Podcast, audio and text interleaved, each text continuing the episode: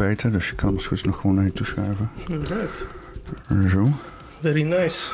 Ja, want dat is een hele gevoelige microfoon, dus hoe er dichterbij jij zit, hoe minder ik aan omgevingsgeluid hoef op te nemen, zeg maar. Alright. Ehm kijk, eh, gaan we ze gewoon in lanceren. Welkom. Welkom bij Poppenkast nummer 73. Dat gaat hard. Ja, we eh, zitten hier met Roman. Ik weet helemaal niet hoe je van de achternaam heet. Is dat de bedoeling überhaupt? Oh, Ray. Ja, dat is prima. Oké, Roman van Ree. Ja, correct. Oh.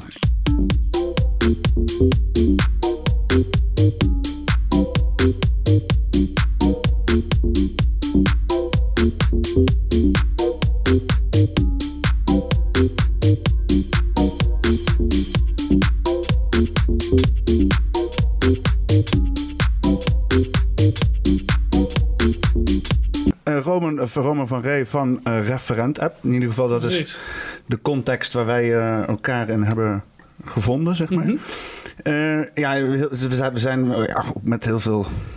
Ja, in mijn kijkers zijn ook heel veel Viva Valentine kijkers natuurlijk. Dus ik kan donder op zeggen dat ze in ieder geval ook die aflevering met, met Robert hebben gezien. Mhm.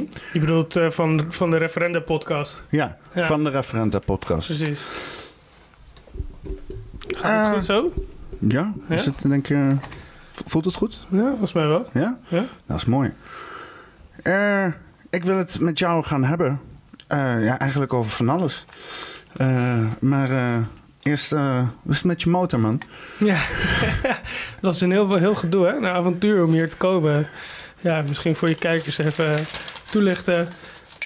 De motor is net gerepareerd. Eerste rit sinds de volledige revisie. Flink geld ingestopt. Ik was helemaal blij.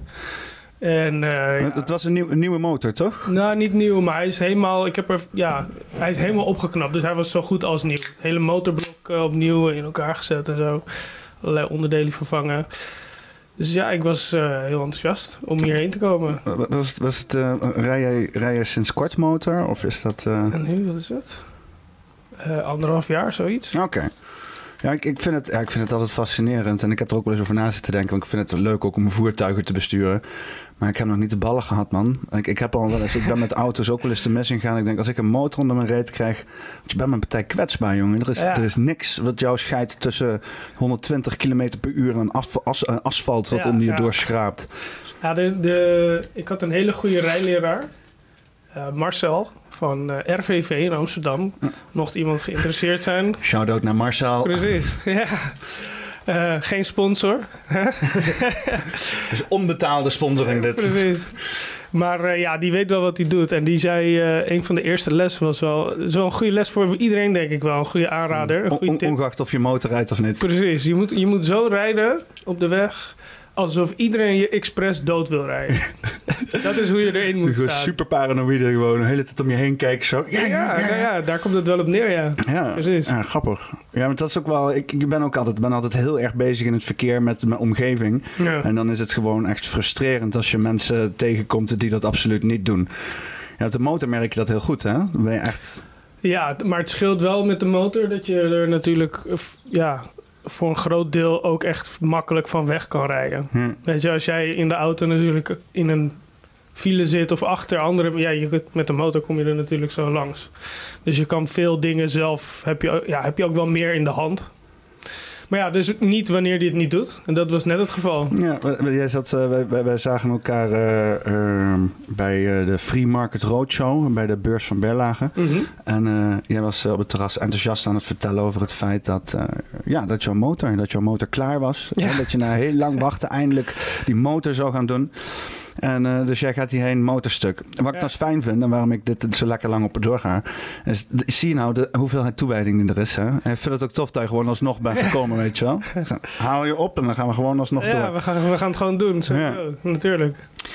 Ehm, nou, we hebben al wat dingetjes besproken, dus ik wil daar later een beetje inrollen. Eén ding waar we eigenlijk nog helemaal niet over hebben gehad eh, en eh, waar ik me wel dol om afvraag. Nou, En wat ik eigenlijk ook echt heel erg vind, is die, eh, want ik ben, helemaal niet, ik ben helemaal niet van de tattoos, helemaal niet. Ik werk voor iemand die tattoos maakt. Ik heb niks tegen tattoos. Ik vind het hartstikke tof dat mensen het doen. Voor mezelf helemaal niet, zeg volgens maar. mij zie je dat dus niet op beeld, of wel? Nee, ja, ik, ik weet ja, net niet inderdaad. nou. Maar, ja, want, ook, want ook op je, je nek inderdaad, dat wil ik zo ver, maar ook op je hand, weet je wel. Ik vind echt dat je vette tattoos hebt. Dus shit die ik nog nooit heb gezien of zo. Is dat, is iets waar je wil laten zien? Of, eh, Ja, dat kan wel. Eh, ik weet niet of je het echt kan zien op de ik camera. kan het denk ik best even hier zo. Ham, ham voor de GoPro hier zo. Ja, even kijken. Is- dat- ja, nou ja, ik, ik, ik kan het even toelichten misschien. Er, eh, er staat for the love of all, don't even wait. En dan in de gebiedende wijze, is dat een beetje lastig uitleggen, maar will, comma, create. Dus, dus om dingen te willen. In het Engels, weet je. To will something is om, om, om, iets om de wilde voor te hebben, zeg Precies, maar. ja. Dus, dus ja, een beetje een soort eh, motiverende boodschap Een eigenlijk. mooie mantra. En wat is die een- font dan in godsnaam? Ja, het ik heb- ziet er echt... Nou ja, het, het zijn eigenlijk drie verschillende tatoeages die in verschillende, op verschillende momenten in mijn leven zijn gezet. Oh. En ik heb tegen die art- artiest gezegd, die tatoeëerder, eh, om het juist in zoveel mogelijk verschillende lettertypes te maken. Dat dat ook gereflecteerd werd daarin. Ja. Dat het eigenlijk niet één geel is, maar ook weer wel. ja, maar het is een beetje, beetje, beetje Madman scribble. Ziet het er van Ja. afstand uit of zo? Dat is het ook. Het is voor een deel is het gefreehand, zonder, eh, ja, hoe noem je dat? Eh schabloon of wat dan ook erop, erop van tevoren. En eh, ja, Een beetje zo'n anarchisme-achtige... precies. Nou, dan gaan we nu naar de drugs. Dat is een hele goede segue zo. Eh, ja, want wij- je hebt het even inderdaad uitgelegd dat het DMT is toen op het terras. We zijn Ja. er verder niet op In ingegaan. nek. Ja. Ja, DMT in je nek, jongen. heb, je, heb je al, wat heb jij in je nek gekletst? Ja. Ehm, wat, wat is het verhaal daarachter? Doe je dat of Nou, zo? Of eh, heb je dat ja, ik heb gedaan? al heel lang niet meer gedaan. Ik ben vrij braaf de laatste tijd, de laatste jaren. Maar ik heb wel, eh, ik zeg altijd, hobbymatig eh, wel genoten. En eh, ja, met name psychedelica. Ik, ik heb heel veel interesse gehad heel lang in de, eh, hoe zeg je dat? Relatie tussen psychedelica en de ontwikkeling van bewustzijn. Hm. En eh, ja, daar heb ik ook een aantal boeken over gelezen. En dat vond ik zo fascinerend. En ook in mijn eigen beleving, in mijn eigen ervaring, dat ik merkte, ja, dat daar in die boeken dingen stonden die voor mijn gevoel wel klopten. Want bij welke, welke drugs had jij echt een beetje voor het eerst dat je denkt van... Yo, what the fuck? Wat zijn we aan het doen hier? Ehm, LSD. Ja. Ik heb eh, LSD gedaan in de duinen.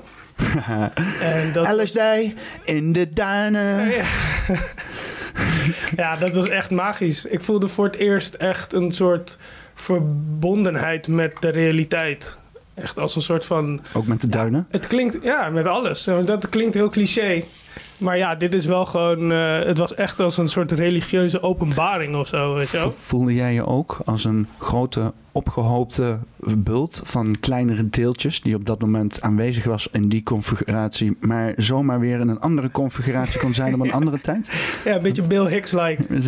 Duinen, hè? Ja. Bill Hicks. Ja, Bill Hicks. ken je die? Dit is comedian, toch? Ja, ja, precies. Die heeft zo'n die heeft zo'n sketch daarover. ik, ik, ik zag laatst iets op het internet waarbij iemand zei van... Can everybody just shut up about Bill Hicks of zo? Eh, Dat volgens mij is hij helemaal... Hij is volgens mij overleden of zo, Ja, toch een kort tijd geleden. Dus Nou, een tijdje wel hoor. hoor, dat is al... eh, Een paar jaar. ja, een maat van mij die kwam er ook mee met Bill Hicks inderdaad. Ik had dan dus met die lange haren, toch? En, eh, Eh, ja, redelijk. Bruine, lange haren inderdaad. Dus we kijken of we oude shit van hem kunnen vinden. Dus het vast wel... Oh ja, ja. Ik hoop dat dat... eh, ik hoop dat dit inderdaad geen Kijk, rechten good bevat. drugs. drugs and I quit. But Yeah. I'll tell you something. I have nothing against drugs whatsoever. That's kind of weird, huh? You've never heard that one? You used to take drugs, quit, and have nothing against them. Wow, never heard that. Let's hear more. Okay. I'll tell you something else. I know this is not a very popular idea. You don't hear it very often anymore, but it's the truth. I have taken drugs before, and uh, I had a real good time.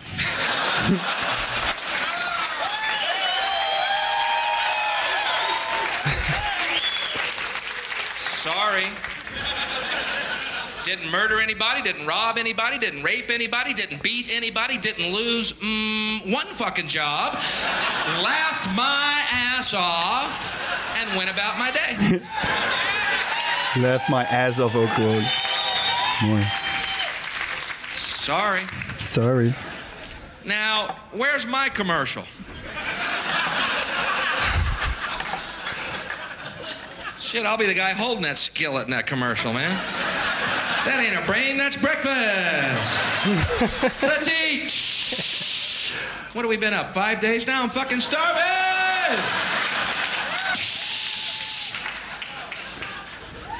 I find that commercial a tad insulting to my intelligence. You know the one, here's your brain.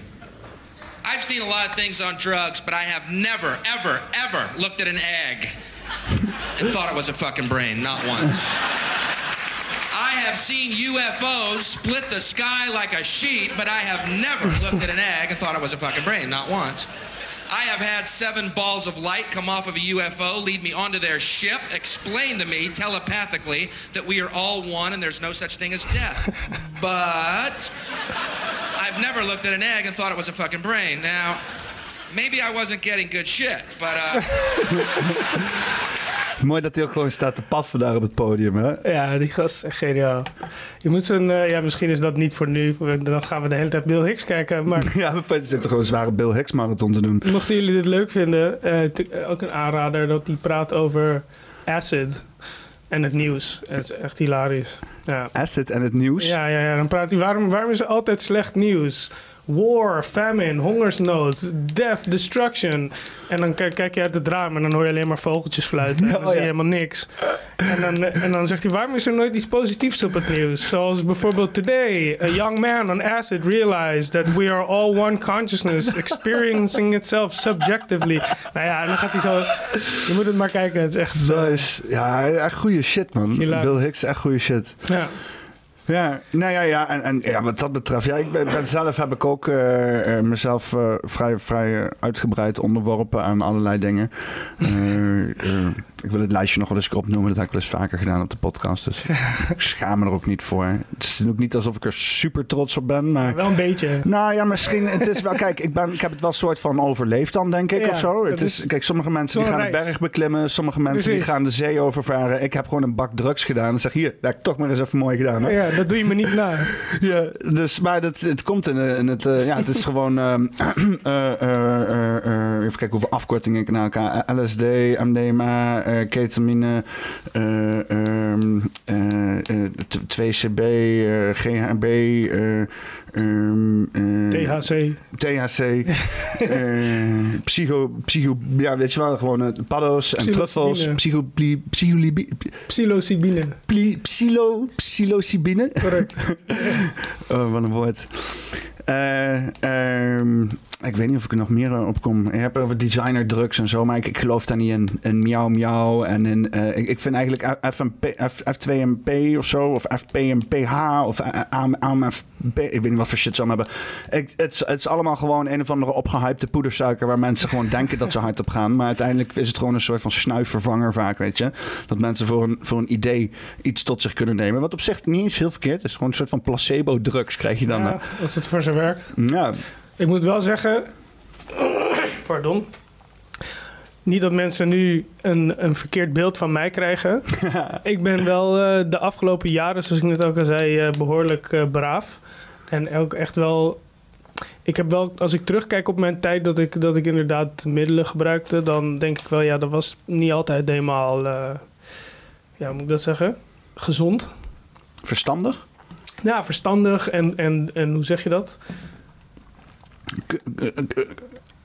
Doelmatig. Ik heb, ik heb gewoon... Ken je die aflevering van... eh, was, niet, was niet altijd helemaal nuttig. Ken je die aflevering van South Park over eh, blowen? Kijk je South Park? Ja, met pom, pom, pom, pom, Ja, pom, pom. En dat ze met op die ballen gaan Ja, zitten zo. Ik weet niet gaan zeker er- of dat dezelfde aflevering is, maar het zou goed kunnen. Ja, dat, het, het Tauli zit ook vaker erin. En dan gaat het ook altijd over smoken. Dus. ja, het gaat over I'm aflevering so dat die kids... eh, volgens mij gaat een van die kids gaat blowen. En dan op het einde... Ze maakt ze Oh, allemaal nee. bang. oh, dat is met Stan. Die vindt een joint. En Ja, dan het- gaat, gaat hij met allemaal bosdiertjes of zo chillen uiteindelijk, ja, toch? correct. dat Zoiets niet die aflevering? Dat zou goed kunnen. Die South Park plots zijn, dat is echt het. Als je dat probeert uit te leggen, dan. Ja, het punt is op het eind van die aflevering. Ze zijn die kinderen dan allemaal bang aan het maken. Zo van nee, je moet, geen, je moet niet blowen, want dan, eh, dan is het einde van de wereld. En eh, weet je, ze maken ze allemaal bang. En dan op het einde komt daadwerkelijk het echte, eh, soort van de echt, echte oprechte waarschuwing van die ouders.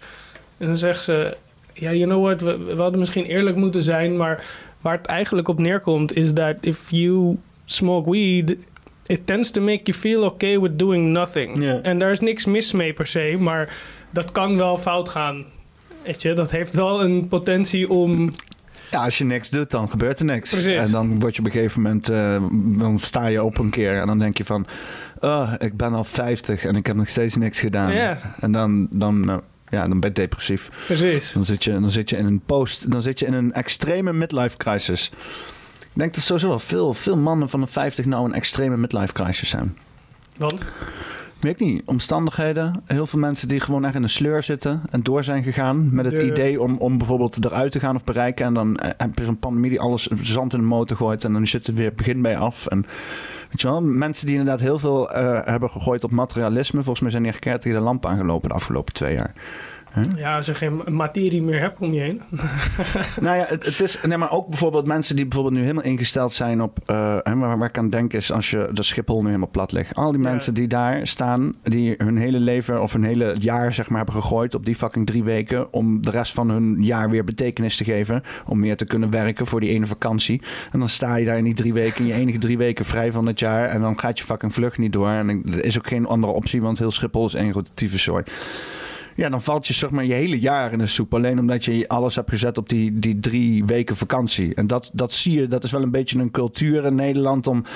Ik had het er gisteren over met mijn vriendin. Die zei van Nederlanders zijn maar gestrest op vakantie altijd. Hè? Het moet per se perfect zijn. Als het niet perfect is, dan hebben ze al die tijd en moeite erin geïnvesteerd. Het is zo geforceerd allemaal. Ja, ja. En dat denk ik dat die twee jaar, die hebben dus dat soort mensen, die hebben de hoogste prijs moeten betalen. Want die konden niet loslaten, die konden niks meer. Die konden, alles werd hun afgepakt. Want eerlijk gezegd, mij is vrij weinig afgepakt in die twee jaar. Hè? Eh, ik ging niet naar kroegjes, ik ging restaurantjes. Ja, ik kan zelf ook hier gewoon koken. De shops waren gewoon open. Ja, oké, ze hadden me afgepakt dat ik na acht uur geen bier meer mocht halen. Dat vond ik wel, vond ik wel heel irritant, vond ik dat. Maar eh, eh, dat is inderdaad mijn afhankelijkheid dan. Dat ga ik dan niet... in- nou ja, ik was wel even boos op de overheid. Maar het is ook leuk om gewoon boos te zijn op de overheid af en toe. Altijd. Altijd, ja. Maar, altijd, eh, maar ja, dus, ja, materialisme. Daarom denk ik dat. Want hoe sta jij een beetje in het materialisme? Ben jij materialistisch? Heb jij, ben jij van de spulletjes en de dingetjes? En, en, nou, ik hou wel van luxe, maar dat is meer... Ik, ik denk dan altijd aan... wat was het ook weer? Dat komt er volgens mij uit de Letters from a Stoic van Seneca. Iets in de trant van eh, de, de... brieven van een stoïcijn. Precies. Die, daar staat, in een van die brieven staat iets in de trant van...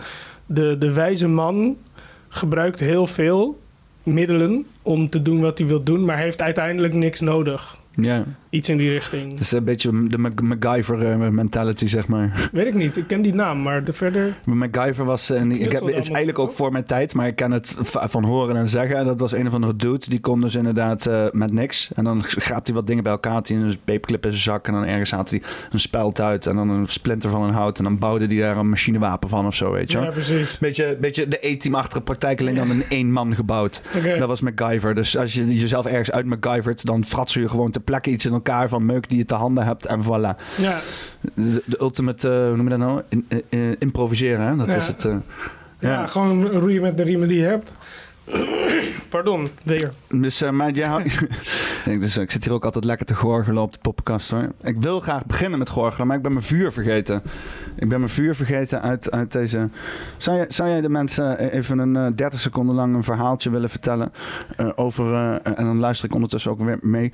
Waarom jij exact DMT op je nek hebt getatoeëerd. In plaats van alle andere drugs die je erop had kunnen tatoeëren. Daar ben ik ook wel nieuwsgierig naar. Ja, sure. Is goed. Nou, het ding is... eh, ik heb het niet eh getatoeëerd omdat het eh, een verwijzing is naar drugs. Hè? Zoals ik eerder al zei, ik was gefascineerd door ehm, eh, bewustzijn en, de rol die, die ja, met name psychedelica of zoals Terence McKenna het noemt, entheogene middelen. En theogene middelen. Ja, eh, hoe eigenlijk, die- moet je, het- eigenlijk moet je alleen nog maar drugs dat soort dingen noemen, weet je wel. Dan, dan, dan, haken, dan kunnen mensen niet meer zeggen van... oh, je bent gewoon een junkie. Dan ben keer een professor, weet je wel. Ja, nou ja, als je kijkt naar de ontleding van het woord, ik vind het echt een prachtig woord. En theogeen. En in theo, God, geen genereren. Dus genereert God in jou. Ah, oh. Dat is het idee van het woord. En ik, ik had dus die tattoo al gezet in mijn nek voordat ik überhaupt DMT had gebruikt. Omdat het voor mij meer symbool staat. Het is niet zozeer een verwijzing naar die druk, naar DMT. Met dan de ervaring. Nou ja, meer dus naar een soort van mentaliteit van open-mindedness en geestverruimendheid. En Hè? Dat, dat was het meer voor mij. Dus meer En een soort symbool voor bewustzijn. De stof DMT is toch op zichzelf staand helemaal ook niet echt een drugs of zo. Het is toch te vinden in alle levensvormen. Je maakt het aan in je eigen hoofd. Je laat het los als je doodgaat. Planten zitten DMT in. Het is overal te vinden. Correct. Ja, in heel veel, in vrijwel alle levende wezens inderdaad zit dat goedje. Ja, ja want ze, ze noemen het ook de spirit molecule. Hè? Mhm, correct. De- Alsof, alsof dat zeg maar de, de chemische representatie is van het ziel of zo. Of die Ja, er zijn, ik, heb, ik, heb, ik weet niet meer of dat allemaal uit datzelfde boek kwam, maar van, eh, van Rick Strassman, die, de professor die inderdaad onderzoek heeft gedaan naar eh, DMT en dat boek eh The Spirit Molecule heeft genoemd. Mhm. Dat was de titel van het boek. En eh, ja, daarin, volgens mij staat dat daarin dat inderdaad als je bij de geboorte, maar zelfs ook zoveel dagen na de bevruchting of zo in de embryo wordt het ook al aangemaakt ehm, in hele hoge dosissen. En, en ja, de theorie is, dat is volgens mij waar die naam vandaan kwam, is dat het inderdaad op een bepaalde manier samenhangt met de soort van de animerende kracht die je dan in je lichaam krijgt of zoiets dergelijks. Oké. Ik weet het niet. Ik, De, de ja, Annie.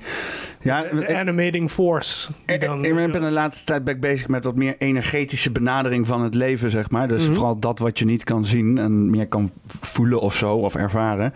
En, en ja, daar sluiten dit soort dingen wel erg aan. En ik, ik heb het idee dat je daar zeg maar meer antwoorden van de ziel vindt. In, in dat hele, ja, toch wel spirituele vlak. Wat, wat uiteindelijk dan toch wel behoorlijk zweverig wordt als je er echt op doorgaat. Mhm. Ehm, ehm, maar ja, die, die drugs, ik weet dat in ieder geval, want ik ben van mezelf een heel praktisch brein. Ik ben helemaal niet zweverig. Nu nog steeds niet met alle kennis die ik tot nu toe heb genomen. Maar eh, ehm, ik, eh, dat heeft me wel geholpen om inderdaad in dat gevoel te komen van eh, wat meer is. De- de- daar waar dat wat niet met woorden te beschrijven is, zeg Mhm. maar.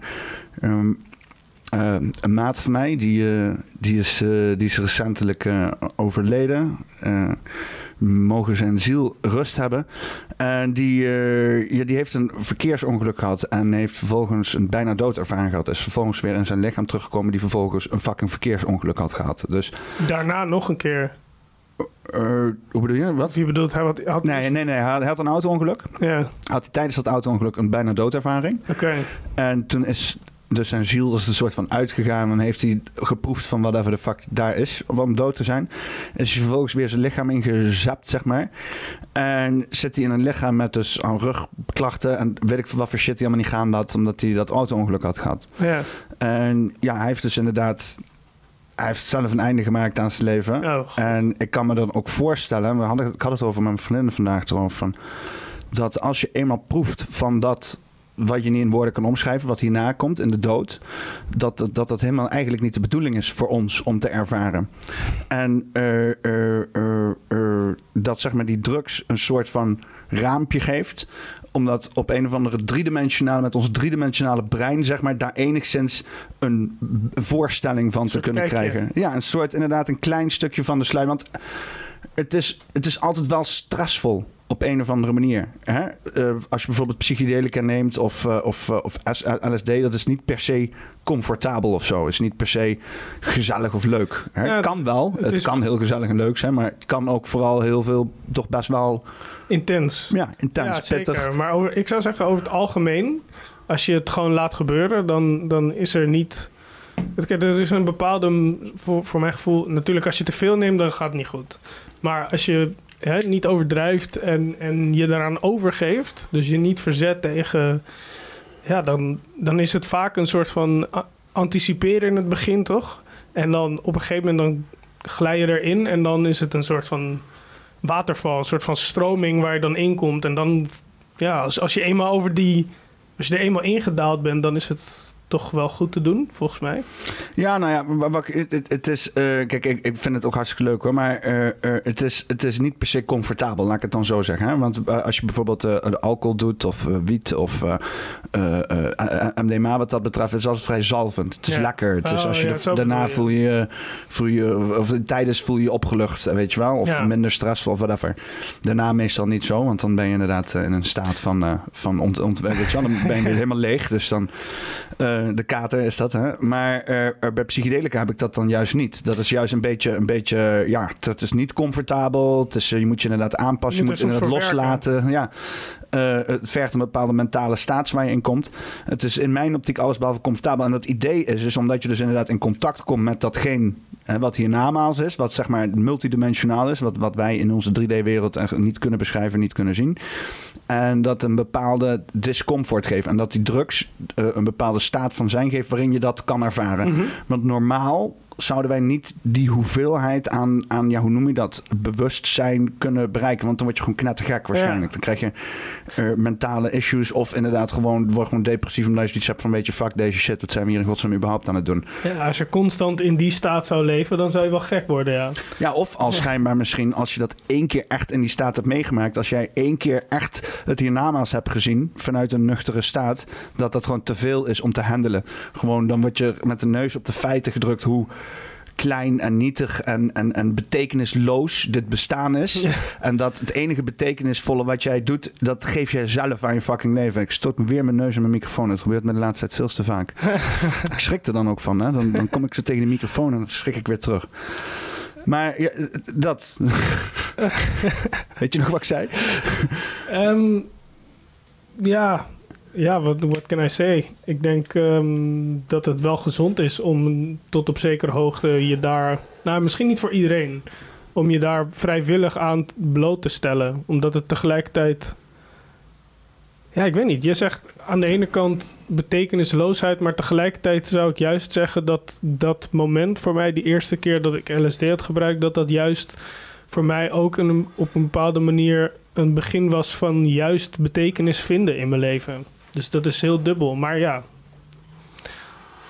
Dat is wel een mooi bruggetje, want uh, dat is op zich wel een, een, een, een ding tegenwoordig. Hè? Een, uh, een ding dat uh, mensen niet zoveel betekenis hebben in hun ja. leven. Ja. Hoe, hoe geef jij dat vorm dan? Hoe, hoe, hoe heb je, wat voor betekenis heeft jouw leven? Hoe heb je dat voor jezelf verteld? Ja, god, dat begon met een soort, volgens mij, toch naïeve, kinderlijke rebellie. Hè? Lekker tegen de overheid en tegen autoriteit en zo. En op een gegeven moment, wel grappig, ik dacht hier vanmiddag nog over na. En nu komt het ter sprake. Aha, zo doen we dat hier. en uh, toen kwam ik via de libertaire beweging in Amerika, via het internet, kwam ik uit bij een um, activist genaamd Adam Kokesh. En die um, had het over Murray Rothbard. Ik weet niet of jullie die kennen. Zijn nou Adam Kokesh? Ja. Kokesh. K-O-K-E-S-H. Ja, Adam Kokesh. En uh, die had het over een quote van Murray Rothbard, een econoom was dat, uit de Oostenrijkse school. En die, um, die zei iets in de trant van het volgende. Het is, het is helemaal prima om uh, niks te snappen of niet te geven om economie. Want het is een specialisatie en ja, vele mensen vinden het niet echt boeiend. Maar het is wel totaal onverantwoordelijk om um, een hele grote bek te hebben eigenlijk. Dat zegt hij natuurlijk niet zo. Maar om een hele grote bek te hebben over dit onderwerp... terwijl je er niks van af weet. Ja. En dat was voor mij een trigger dat ik dacht... oh ja, ik weet eigenlijk helemaal niet zoveel. Dus toen ben ik daar ingedoken. En zodoende ja, steeds meer toch met economie bezig gaan zijn en vrijheid. Ik heb echt jarenlang zelfstudie Oostenrijkse school gedaan. Oké. Okay. En uiteindelijk uh, kreeg ik een idee.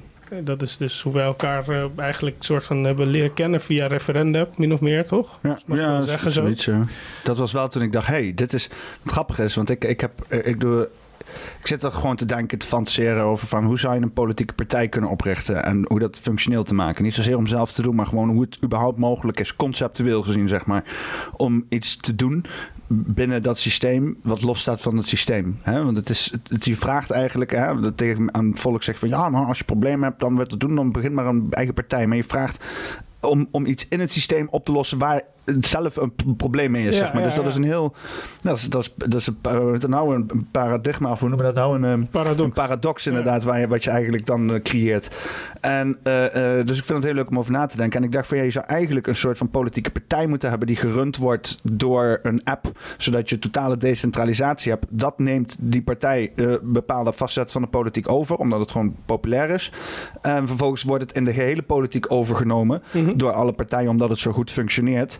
En dan eh, kom je op een punt dat je denkt van ja, dan kunnen we net zo goed alle partijen africhten. En dan heb je die directe democratie hou je over, zeg maar. Ja. Een soort van infiltratie en dan het schild dat barst van zich af. Ja, zeg ik- maar. dat is het idee. Het plan is- voor een referendum is wel is min, is, ligt voor een groot deel in lijn daarmee, maar ik zou het andersom willen doen het liefst. Ik zou het liefste ehm, zorgen dat dat platform zoveel gebruikers heeft dat het eigenlijk niet meer nodig is om het via de partijen te doen.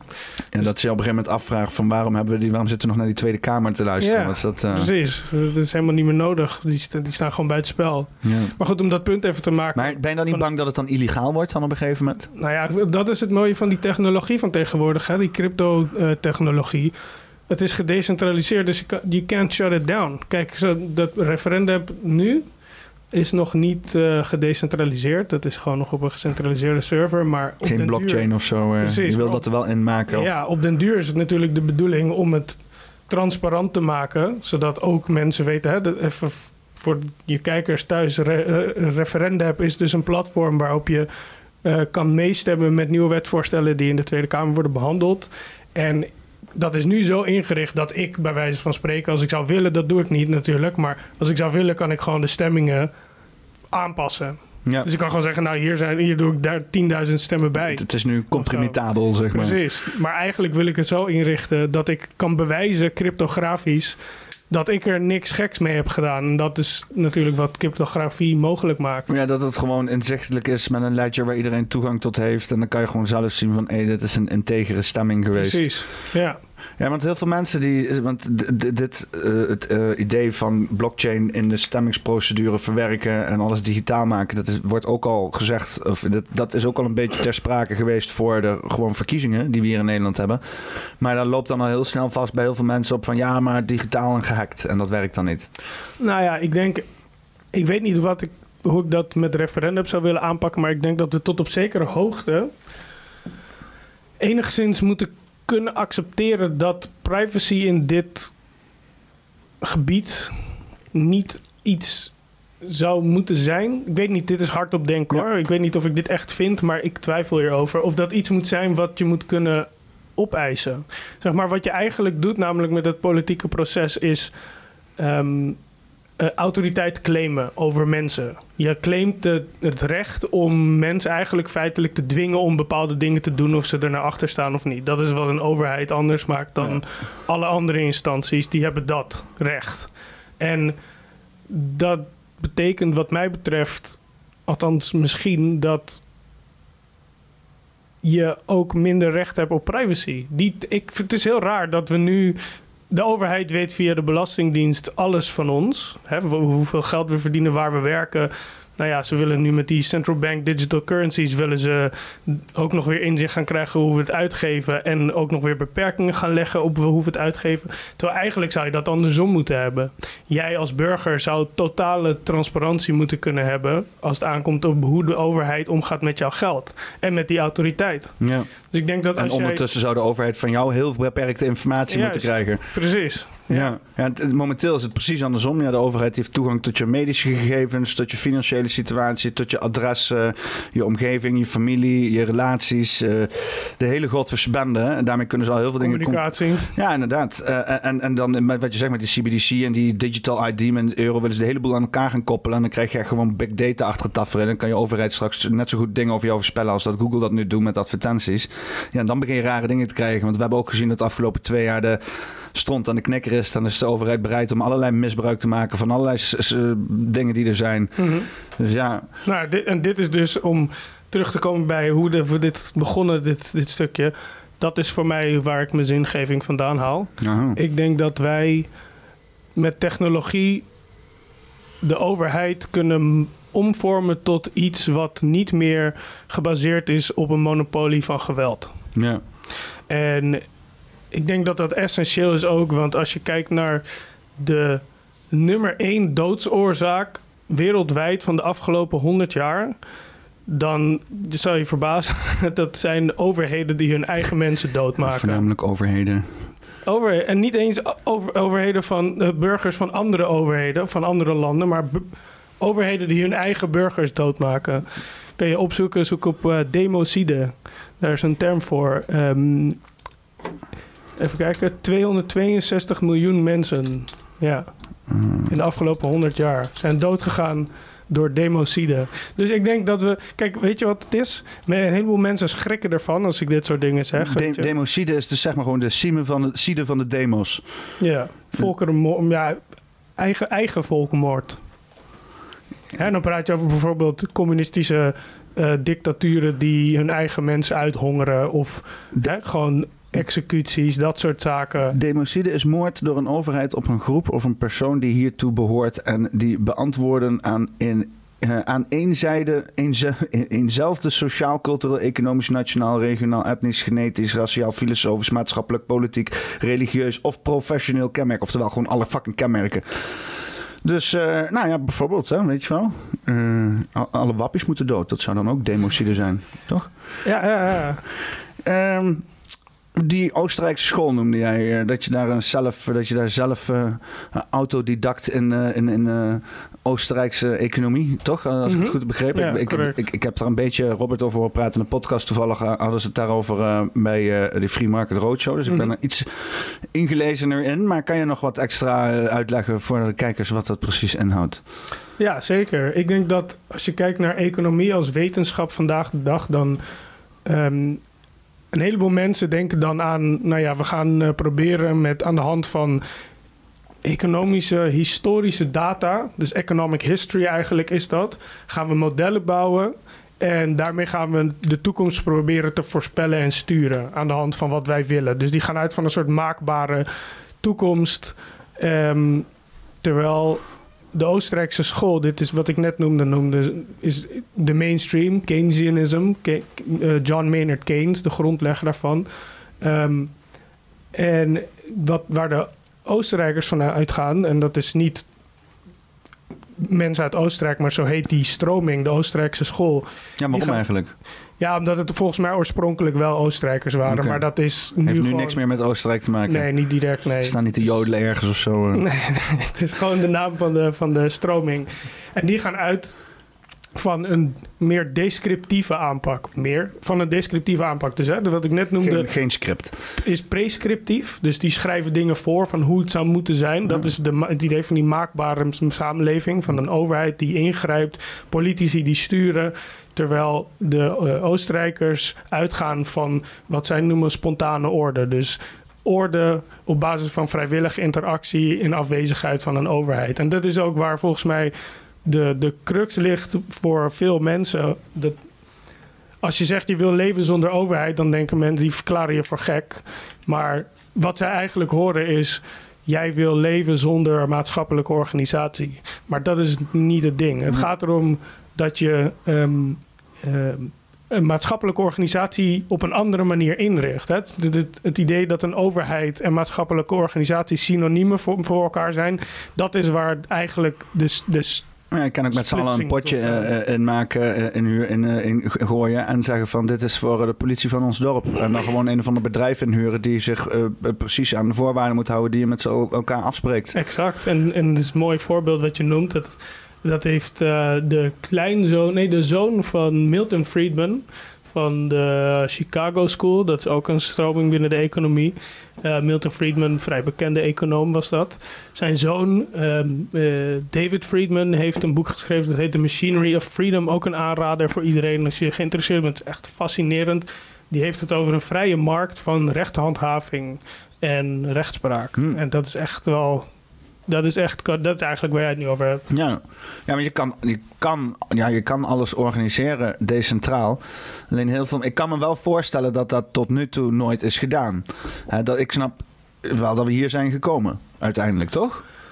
Ehm, nou ja, er zijn wel voorbeelden te noemen. En natuurlijk wordt er sowieso al een heel groot deel decentraal privaat gedaan. Hè? Dus als je praat over bijvoorbeeld. ehm, hoe heet dat? Rechtspraak tussen. Of eh, hoe noem je dat? Het heet niet rechtspraak, maar. ehm, ja, hoe noem je dat? Zeg maar. eh, problemen oplossen. Ik kom even niet op de juiste term, maar tussen geschillen oplossen tussen bedrijven. Problem solving.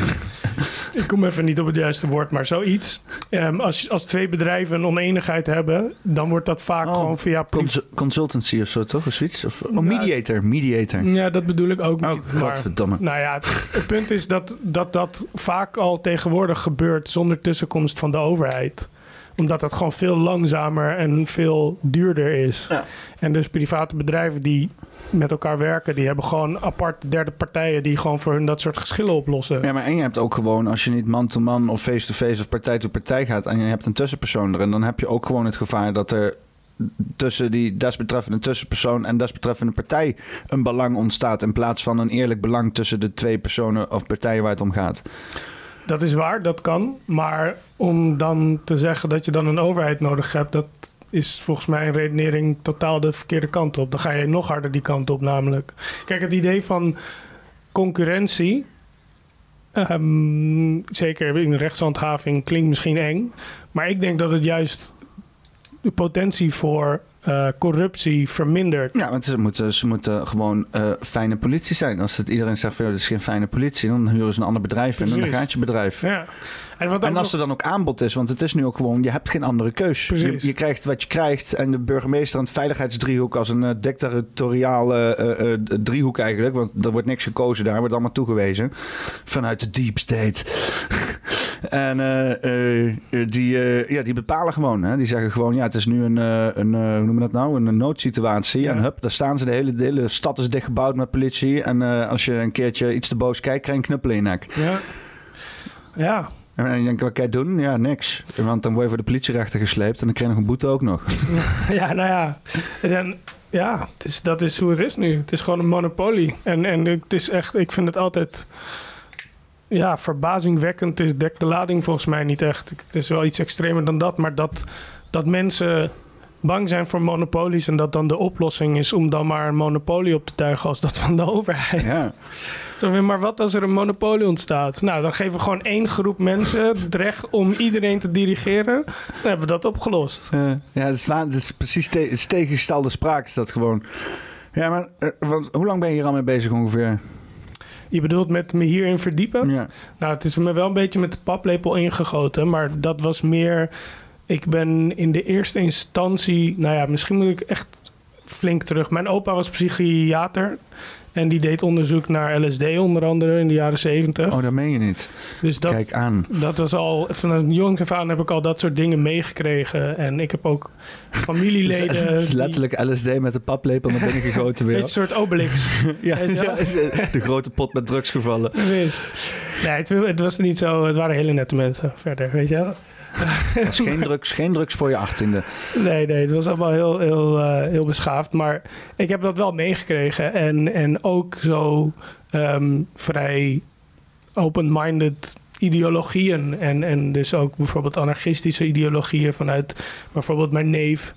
Eh, maar ja, eh, dat was wel meer in mijn ogen. Ja, dus iets minder gericht op economie. Gewoon meer op, op, op, op gelijkheid of zo. Ik weet het niet. Ik weet niet hoe ik het beter moet omschrijven. Hoe oud was jij met 2008? 2008 was ik 18. Oh. Ja, ik ook. Ben je, ben je 32? Correct. Jezus Christus, man. Ja, God, babyface. zie je er goed uit, man. Oh, man. Mijn god. Als je die baard eraf scheert, Eh. dan eh, dat helpt al veel hoor. Ja, ja, nou ja, fijn. Goeie shit. Eh, nou, het is helemaal geweldig. Want 2008 is voor mij begonnen echt. Dat ik echt dacht van, wat economie, geld, wat, waar slaat het op, weet je wel? En toen ben ik mij gaan verdiepen. Hoe ja, hoe werkt ging dat geld? voor jou dan? Ja, nou ja, eh, nou, sowieso. Want eh, mijn, mijn hele mijn ouders en zo, die hebben, ik ben altijd opgevoed eh, met van eh, je studeert goed en je gaat werken en je creëert een goede basis voor jezelf. eh, door, eh, weet je wel, gewoon de standaard shit. Hè? Gewoon je spaart wat geld, je doet een huisje kopen met een hypotheek en bla bla bla. Nou, die hele wereld stortte voor onze ogen in met z'n drieën. Zeg maar, In die ik ook- 2008 bedoel In je? 2008. hè. Ja. Mijn, ouders die kwamen allebei. Mijn vader die ging in de reorganisatie. Eh, Die werd van, eh, van eh, het bedrijf die gere- gereorganiseerd werd naar bedrijf die gereorganiseerd werd gesmeten. Terwijl hij op zijn 50ste of 55ste een baan moest zoeken en maar bleef solliciteren. Terwijl hij ja, gewoon hooglijk gespecialiseerd was in wat hij deed. Hij is een, eh, een elect of een, ehm, een eh, eh, werktuigbouwkundige. En eh, eh, eh, hij zat al op het kantoor, was al bezig met digitalisering. Wat eigenlijk helemaal niet zijn pakje aan was. Maar het was allemaal ter compensatie van mij en zo. En, ja, en toen moest hij weer terug in het vak van, eh, van elektricien. Alleen moest hij allemaal zelfstandig doen en zo. En dat, ja, dat, liep allemaal voor gemeten, weet je. Dus mijn moeder die werd op een gegeven moment ook gereorganiseerd. Die zat bij de Defensie en die werd eruit gegooid, de hele afdeling. Want hè, waarom wil je militairen nou... eh, ehm, eh, want zij is, hoe noem je dat nou... ehm, eh, werkloopbaanbegeleidster. Oké. Hè, dus die militairen kwamen dan terug en die moesten terug de maatschappij. En dan moesten ze gaan kiezen wat ze willen doen, behalve mensen neerknallen. Dus dan ging zij dan voor hun uitzoeken met hun. En eh, eh, eh, ja, dat was ook niet meer nodig, vak, dat, vak die militairen. En mijn moeder moest haar eigen reorganisatie ook nog organiseren. Dus allemaal hele rare shit thuis. Alles was stressvol. Ondertussen ging ik net studeren. En ik denk, waarom dan? Wat ging je Omdat- studeren? Eh, in het begin, ja, ik, daarom ben ik dit ook gaan studeren. Ik begin eerst ging ik, eh, ehm, eh, want ik, ik, ik, ik had mijn VMBO heb ik gewoon afgemaakt. eh, en toen ging ik MBO doen. Toen ging ik eerst multimedia management doen. Maar er was heel veel achter de computer zitten. Ze verkochten het alsof ik met cameraatjes ging rondrennen, maar dat gebeurde helemaal niet. Ik zat Wat alleen je, maar. wat je nu eigenlijk doet. Ja, nou ja, want dit is wel waar ik naartoe heb gewerkt al die Ja, tijd. Ik ben daarna, jaar- na een jaartje heb ik, eh, ik heb niks gedaan. Ik heb alleen maar een jaar lopen smoken. Alleen maar rijst, rijstvloei jointjes zitten smoken op het plein. Terwijl iedereen zich afvroeg, waar komt die wietgeur toch vandaan? en eh, eh, iedereen zei ook tegen me van, ja, je loopt de kantjes vanaf. Ik zei, ja, ik weet het, maar het is ook zo kut, dit, jongen. En toen zeiden ze van, nou, wil je iets anders doen? Dan ik zei, ja, weet je wel, want, want dit is wat me is beloofd. Daar zoek ik naar. Oh, dan moet je bij deze opleiding zijn. Dus ik geef hier binnen in de school was eh, fotonica, oude eh, ehm, eh, optische eh, opleiding. Dus voor lasertechnologie en, en beelden en zo. En dat was gebombardeerd tot video shit. Omdat het natuurlijk, video is ook gewoon optica. En dus, maar we kregen dus ook nog elektronica lessen. En alleen het was dan een beetje gecombineerd met kunstgeschiedenis en dat soort zaken en editing. Ook nog echt, ja, was super vet hoor, uiteindelijk. Het, het, het- ik bedoel, de hele opleiding lag op zijn gat. Iedere leraar was overspannen. Het was één Ja. grote tyfuszooi. Maar als ik daarom terugdenk aan wat ik heb gedaan, want ik heb bijvoorbeeld twee machine-editing gedaan. Gewoon analoog eh, eh, video-editen met Oh, videobanden terugspoelen en zo. pre-rolls. Echt, echt en, cut ja, en paste. en dat echt goed dingen. nadenken over wat je selecteert en dan dat erin zet, weet je wel. Want dat zie je dus heel weinig. Wat, maar je bedoelt echt met tape, zeg maar. Nee, nee, Dus nee. tape nee. knippen Nou, en... nee, hoe dat in elkaar zat, dat waren zeg maar twee eh videorecorders. Ja. Ehm eh, weet je, een video, ja, videorecorder? VCR zeg maar. Ja. Eh, deed, twee, eh, deed twee banden, of nee, dat- ja, deed twee banden in. Bijvoorbeeld van camera 1 en van camera 2. Dan had je eh, nog een videorecorder. Daar deed je dan een kale band in. Dat is je, je, je, je edit, zeg maar. En dan ga je gewoon beelden uit de ene videorecorder selecteren. En dan zet je dan een in en een out. Van dat stukje wil ik selecteren. Ah. En dan zeg je record. En dan beginnen ze allebei te lopen. Gaan ze een pre-roll doen, zodat die precies op het punt is. En ze gelijk lopen. En dan, hup, dan neemt hij dat stukje op. En dan heb je een edit gemaakt. En dan ga je door naar het volgende beeldje. Ja, zo dat bouw is, je wel, dat is wel een stuk verder, één stap verder dan wat ik net omschreef. Ja, dat je ja. echt nog ging, dat je echt nog ging met een schaar Ja. en tape knippen. En Ja, met, met de film inderdaad. En dan fysiek inderdaad de filmrol aan elkaar plakken en zo. Ja. En, eh en ehm, eh, eh, in Glorious Bastards zie je dat, dat stukje. Zie je, heb je in Glo- Glorious Ja, Bastards ja. gezien? Heb Dan heb je, want dan heb ik op een gegeven moment, die, ze hebben dat filmtheater toch? Die, eh, die zwarte gozer en die Franse vrouw. En die hebben dan dat filmtheater. En die, daar zie je op een gegeven moment van die scènes dat zij dus inderdaad die film in elkaar aan het plakken is. Met, dat, met haar hoofd in beeld, die dan straks in de Oh, rook ziet verschijnen. En dan zie je haar echt die beensteking dingen doen. Ja, dat is wel, ja, dat is, dat is wel wat vandaan komt. Maar weet je, wat, dat is de kern van edit. Hè? Van echt gewoon nadenken over wat, wat je wil en wat selecteer je. En op, want een edit is ook heel erg gevoelig over de loop van de edit. Als je zeg maar eh, iemand die door het beeld heen loopt en dan edit je naar een groot shot waarbij je ziet waar die loopt, dan eh, is het heel erg belangrijk voor de snelheid van de edit of jij die, eh, die, die snee maakt op het moment als hij nog niet het beeld uit is, op het moment dat hij half het beeld uit is, of als hij helemaal uit beeld is verdwenen. Want als hij helemaal uit beeld is verdwenen, dan schakel je over. Dan heb je echt een soort van hop in de snelheid zitten. En dan, Mhm. dan, dan, dan, dan aan het einde van avond ben je even zo geland. En dan krijg je dat groot beeld te zien. Maar als je hem al snijdt terwijl hij nog niet helemaal het beeld uit is, dan ga je veel sneller door. Ja. En dan zit je nog half in die wandel en dan kijk je ook. Dus dit is echt, dat werkt ook op psychologisch ja, niveau. Ja. En dat is wel wat we in die opleiding heel perfect hebben weergegeven gekregen. Interessant. Ja, het, het is ook bijzonder interessant. En het- ze zeiden ook van als je deze opleiding gaat doen, dan ga je nooit meer hetzelfde naar tv en film kijken. Want je ziet hoe manipulatief alles is. Hè? Je- twee beelden die je juxtaposeert naast elkaar. Een oude man die grijnst.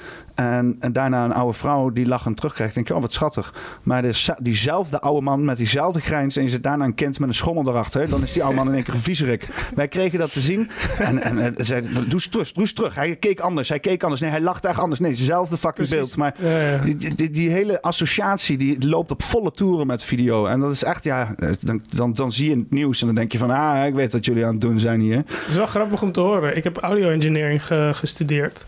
En ik deed eigenlijk hetzelfde, alleen dan. En met ook gekregen een stukje audio engineering inderdaad, ja. Dat is leuk. Want, Leuk video is niks zonder audio.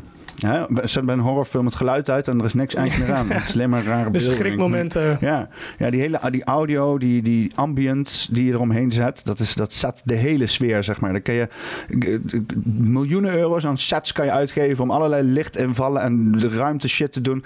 Maar als er geen fucking muziek onder zit, als er geen handsimmer zit onder je Ja. eh, eh, ruimtefilm, dan is het niet fucking episch, weet je wel. Ja. Ja. Audio engineering, zo, ik doe zelf een beetje dance, eh, een beetje met Ableton en zo in elkaar knallen en ik zo. Dus ook, ja. het audio engineering stuk vind ik eigenlijk het meest saai, omdat het daar precies wordt. En weet je wel, gepriegel. En ik hou, ik niet van gepriegel. Ja. ik ben van het ruim in elkaar kletsen en dan alsjeblieft call it a day.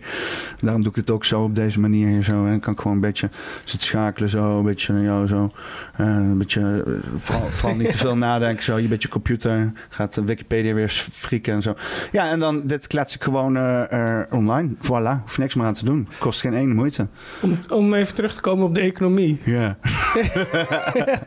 Ik wilde het wel ik wilde horen. Ik wilde wel horen hoe jij... eh, want je was aan het vertellen over... Oh ja, Over je ouders. Christus, kerel. Mijn Eh, god, waar ben ik afgedwaald? Ja, als ik maar mijn levensverhaal begin, dan, eh, dan zijn we klaar hoor. dat is helemaal mooi. Maar ik ben wel benieuwd naar de rest van dat verhaal. Ik zal even kijken of ik een klein bruggetje kan maken. Waar waren we ook weer? Oh ja, mijn ouders waren inderdaad allebei hoe je bij werkloos. geld uitkwam en zo. Ja, mijn ouders, nou, ik moest gewoon herzien van wat, wat dus dat hele standaard verhaaltje was. En één ding hoorde daar ook bij van wat is geld. Hè? Ik, ik was altijd wel gefascineerd in geld. Maar ik, ik, ik- het, het- wat ik kreeg verteld over van de, met, met waardes en, en als er vraag en aanbod en gewoon die standaard economie shit, zeg maar, dat zag ik niet. Weet je wel, er was, alles stortte in één keer in. Er waren bankiers die rare dingen hadden gedaan. Ze werden allemaal uitgekocht. Dat je denkt van, wacht even, die bankiers hadden toch rare dingen gedaan. Waarom ga je ze nou lopen belonen? Dus, dus, ik, ik, hoor- als je, ik heb ook monopolies, eh, weet je wel, over monopolies gehad. Het was slecht. Het is de bedoeling dat dingen in elkaar klappen en failliet kunnen gaan, zodat een nieuwe ding kon staan. En dat gebeurde niet. Ik denk, hoe kan dit nou, weet je wel? Het klopt niet. Nee, het, het klopt niet. Ik heb die sticker, sticker, nee, helaas. Ja, ik zag hem net Ja, ergens. dat is- Vandaar dat ik eraan dacht. Ik heb overal wel wat eh, rebelse wappie stickers slingeren hier. en anders wat poppenkast stickers. Maar eh, ja, toen ben ik me gewoon gaan verdiepen in geld. En ik denk van eh, gewoon eindeloos veel YouTube films gekeken. En eh, ja, eigenlijk gewoon eindeloos veel YouTube films gekeken. Echt maar ook gewoon saaie shit van die presentaties. En eh, eh, ja, en het is ook, ik vind het op zich, ik vind het, ik vind het fascinerend. Ik snapte dat geld een psychologisch ding was en dat er vertrouwen in moest zijn. En toen ik op een gegeven moment hoorde van, en ik dacht ook altijd, was in de veronderstelling dat goud gekoppeld was aan het geld. Dat vertelden mijn ouders me altijd. En toen ik daar ook achter kwam, dacht ik van, hmm, dit heb ik niet op school geleerd. Hoe kan dat? Weet je, want dat- toen begon een beetje dat balletje te rollen. En ja, sindsdien, ik bedoel, we zijn nu, eh, wat is het? eh, wat is het? 2022. Ja, gaat hard. 10, 12, 14, 14 jaar, jaar verder. verder, Godverdomme, man. En de economie is nog steeds niet ingeklapt. Want ik zit daar dus op te wachten. Ik zit te wachten tot de hele Nou, zooi nou, instort. nou. Al, al 14 jaar. Hè? Ja, maar het, het staat te gebeuren. Ik, ik weet niet, ja. Ik, eh, ik word er Ja, dat zeggen ze al van. 14 jaar, dus ik blijf sceptisch. Maar het lijkt er wel op. hè. Het lijkt erop dat de hele boel gaat instorten. Ja. Sowieso, dat is niet goed wat er nu gebeurt. Maar als je het hebt over psychologie en, en, en geld. Misschien, ik neem aan dat je wel bekend bent met Jordan Peterson. Ja, Die heeft laatst een aflevering gemaakt van zijn met, eh, podcast. met, met, eh, met zijn lobsters en zo. met- ja, precies, die gast. Die heeft laatst een aflevering gemaakt met een aantal bitcoiners. Hmm. Dat is wel een hele interessante aflevering waar hij... Ja, want Bitcoin kwam 2019, hè? Dat eh, is eh, negen. 2009 bedoel Ja. ik, ja, net één jaar na de crash. Ja, Ja, daar, dat, is ook, dat is ook, ik volg dat ook al vanaf het begin op de voet. Ik heb nog bitcoins gemined, zelfs met mijn laptopje. En, eh, want het was ook een hype ding. Ik was zelf ook met computerdingen gaan en dingetjes hosten en zo voor spelletjes en zo. En dit was ook iets waar je kon downloaden. En dan had je een programmaatje en dan moest je dan laten lopen dag en nacht. En ik had toen, ben ik veel, dat duurde dan eh, een week en dan had je eh, één of twee bitcoins. Nou, ik kan hem drie dagen lopen en ik denk het is wel goed. Nou, ik had waarschijnlijk wel iets van eh een derde of twee derde bitcoin binnengehaald. Dat was nou mooi, wat is het inmiddels? Mooi Eh, meenemen. 10.000 euro waard geweest of zo. Nou, nu niet meer. ja, Maar het is, het is de- 2800 toch? Of zo? 28.000 28.000, ja? ja. dollar, ja. Ja, dus een derde bitcoin is, Ja. eh, is, is, zeven- is, eh, eh, 10 10.000 10.000 euro. zo ongeveer, Ja. ja. Het is, het is lekker. Dat is zeker lekker. Zeer meer dan dat ik nu heb, dat kan ik je wel vertellen. ja. Ik, eh, ah, dat- is het leuke eraan, want het is leuk om te zeggen van had ik dat nu gehad, maar je- als je het had, gehad. dan was het al weg geweest waarschijnlijk.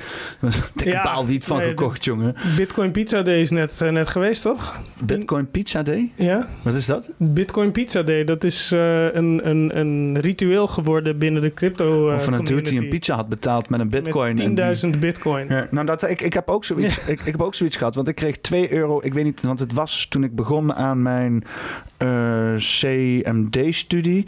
Dat is, ik ben nu drie jaar afgestudeerd. Dat ding duurde vier jaar, dus dat is zeven jaar geleden. Zeven jaar geleden kreeg ik 2,50 euro waard aan bitcoins. En daar heb ik dan een drankje van gehaald. Ja, ja Dus- dat is een heel duur drankje. Ja, ja. En ik heb nog die cafébaas gesproken. En die zei ook echt van... Ja, we hebben die bitcoins goed weggestopt. Ik denk, ah, motherfucker.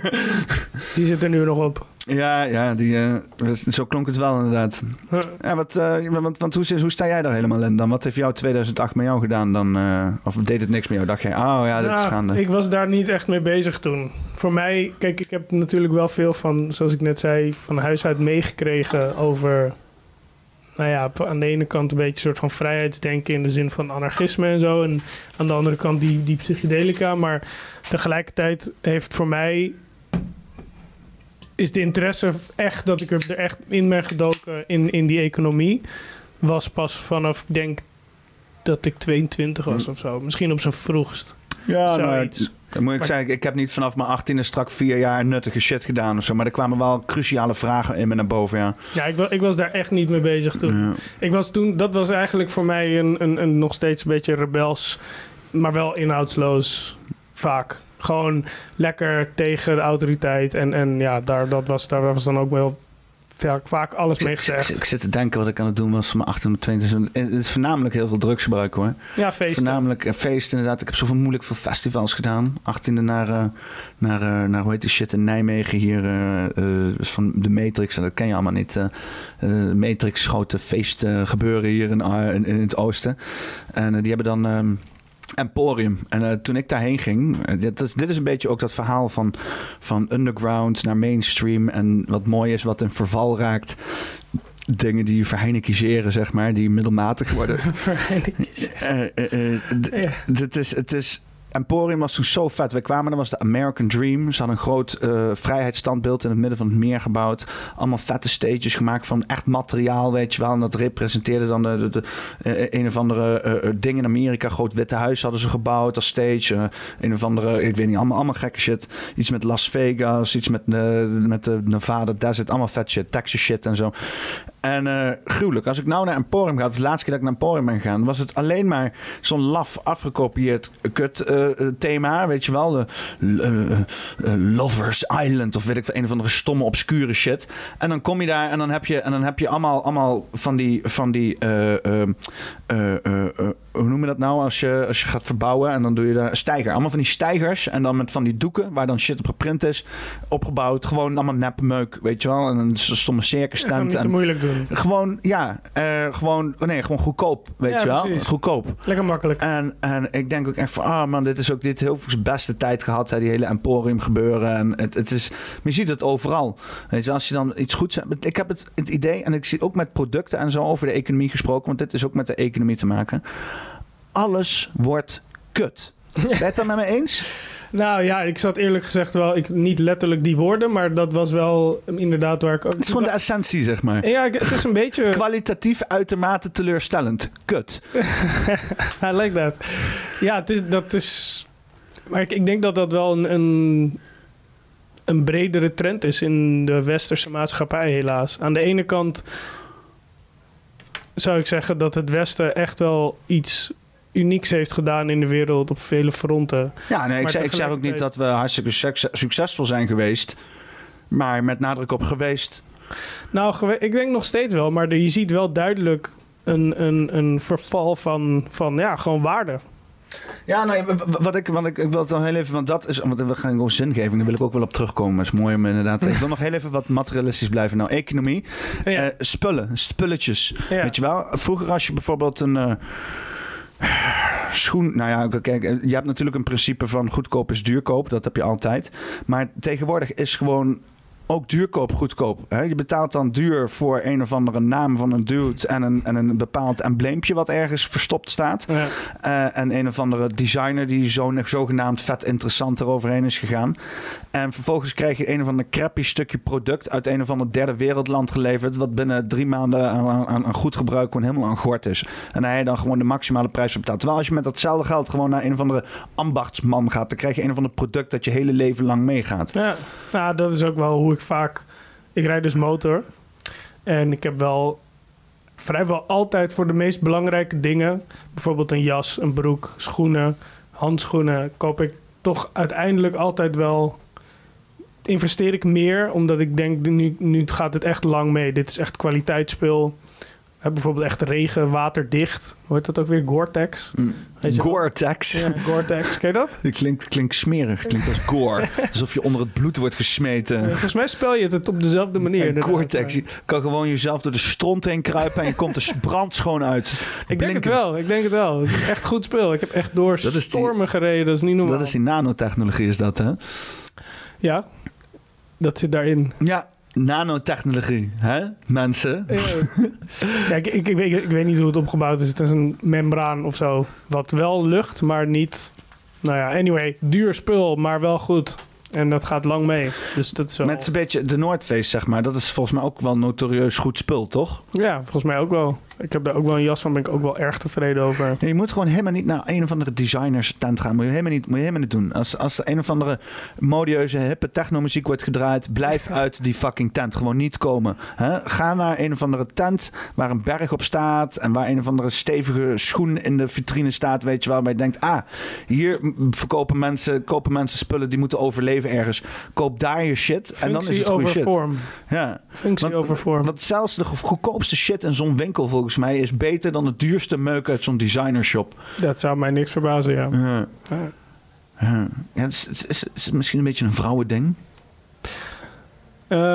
Ze- Hebben die vrouwen hier ons deze, deze wereld van, van nutteloze meuk ingeleid?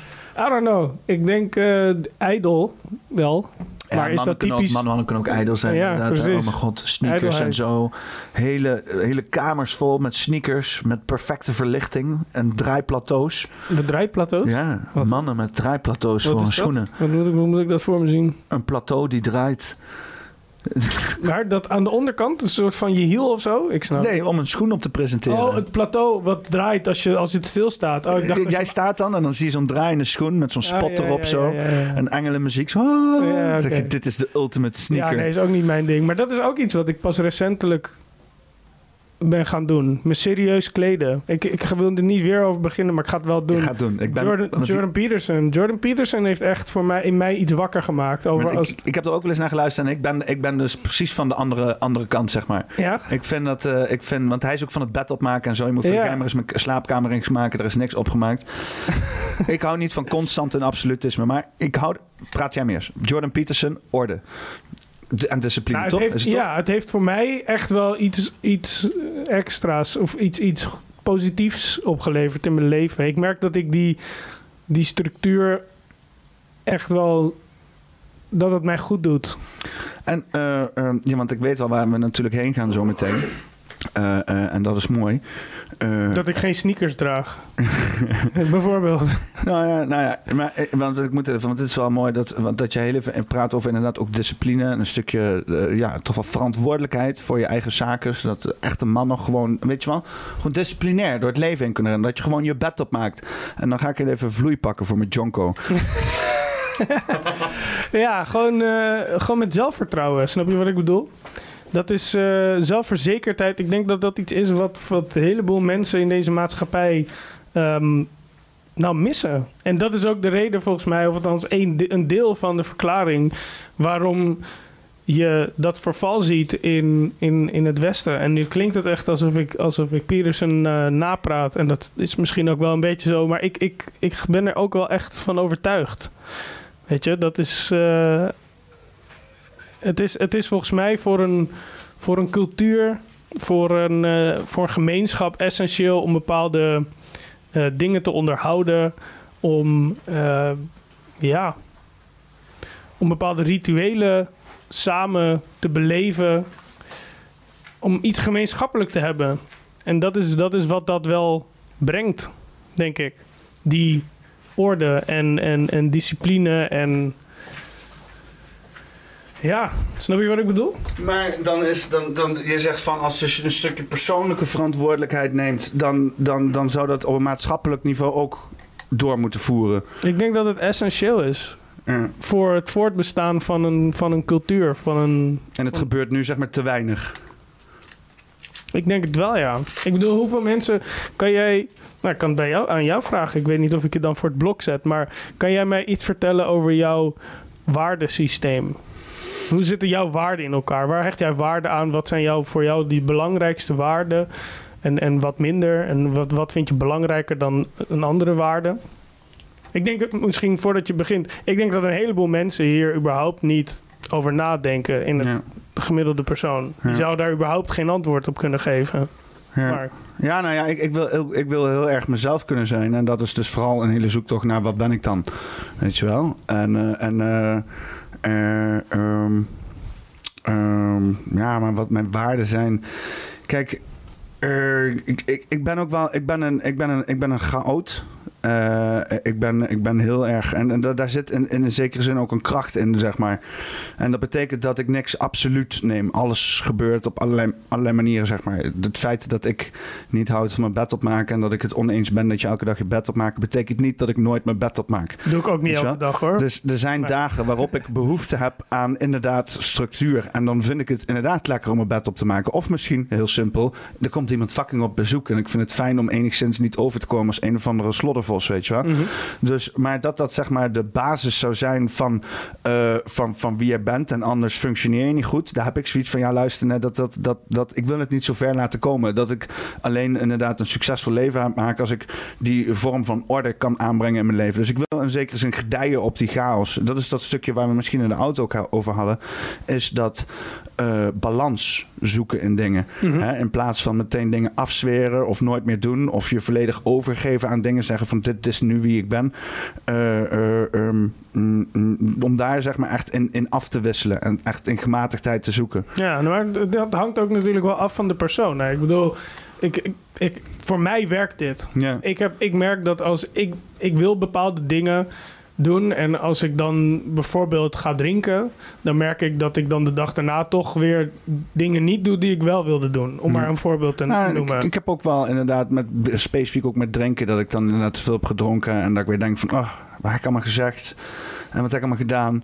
En dan baal ik van mezelf zo. Het stomme is dat elke keer als ik retroactief ga praten met mensen, dan valt het allemaal wel mee. Blijkt een hele gezellige drinkje te zijn. Het enige wat ik dan jammer is, dat ik dan inderdaad zelf daar niks van weet of zo. ja. Ja. Maar het- weet je, het gaat ook niet per se om drank. Het gaat om, het ga- alles kan voor iedereen een vice zijn. Ik weet niet hoe je dat, hoe je dat noemt in het Nederlands, een de- vice. Een deugd dan? ja, dan, een, een ondeugd. Of een ondeugd, ja. Ik weet niet, is dat, Een- is dat een, een eh, woord? Oh, hoe noem je dat ook weer? Een... ehm, een, eh, een, een, een, een, eh, je hebt toch ook de, eh, nou, Een zonde. een zonde, ja. Ja, maar zo- een zonde is volgens mij, je hebt een, een sin en een vice. En een vice is dan net iets minder erg of zo in de Ah. zin, volgens mij hoor. En dat is Dan een ondeugd. Ondeugd is wel... eh, meer, meer dat meer impact heeft op jouzelf. Het is niet iets wat je iemand anders per se aandoet, ah, maar ja, ja. weet je. En dat is, ja, voor iedereen, voor de een is het hamburgers, voor de ander is het tabak. Ei- Eigen zin. ja, ja, ja. ja, weet je? de, de kunst voor mij is om precies zoveel verschillende dingen te doen... dat je nooit eh, eh, te veel doet van één ding. Van één maar. ding. Ja, ja.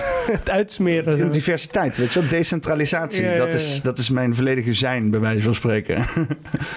ja, het, waarde is, het verandert ook hoor. Het verandert ook. hè. vandaag ben ik misschien eh, keihard aan het vechten voor smoken... en voor de recht om iedereen te smoken. En voor hetzelfde sta ik over tien jaar er weer heel anders in... omdat, weet ik veel, wiet de doodoorzaak is geweest van mijn dochter. En je weet niet wat er gebeurt in het leven, weet je.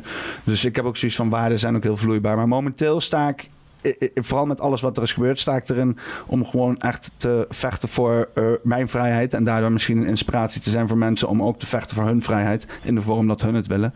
Ik denk dat dat nou een beetje mijn, eh, mijn missie is op dit moment. Mhm. In de vorm, in de vorm van gewoon lullen. En Ja. doen whatever the fuck ik wil. Hier. Ja, dat, dat is toch ook wel een vrij nieuwe, zoals je hier ook bezig bent. Ik zou het best artistiek noemen.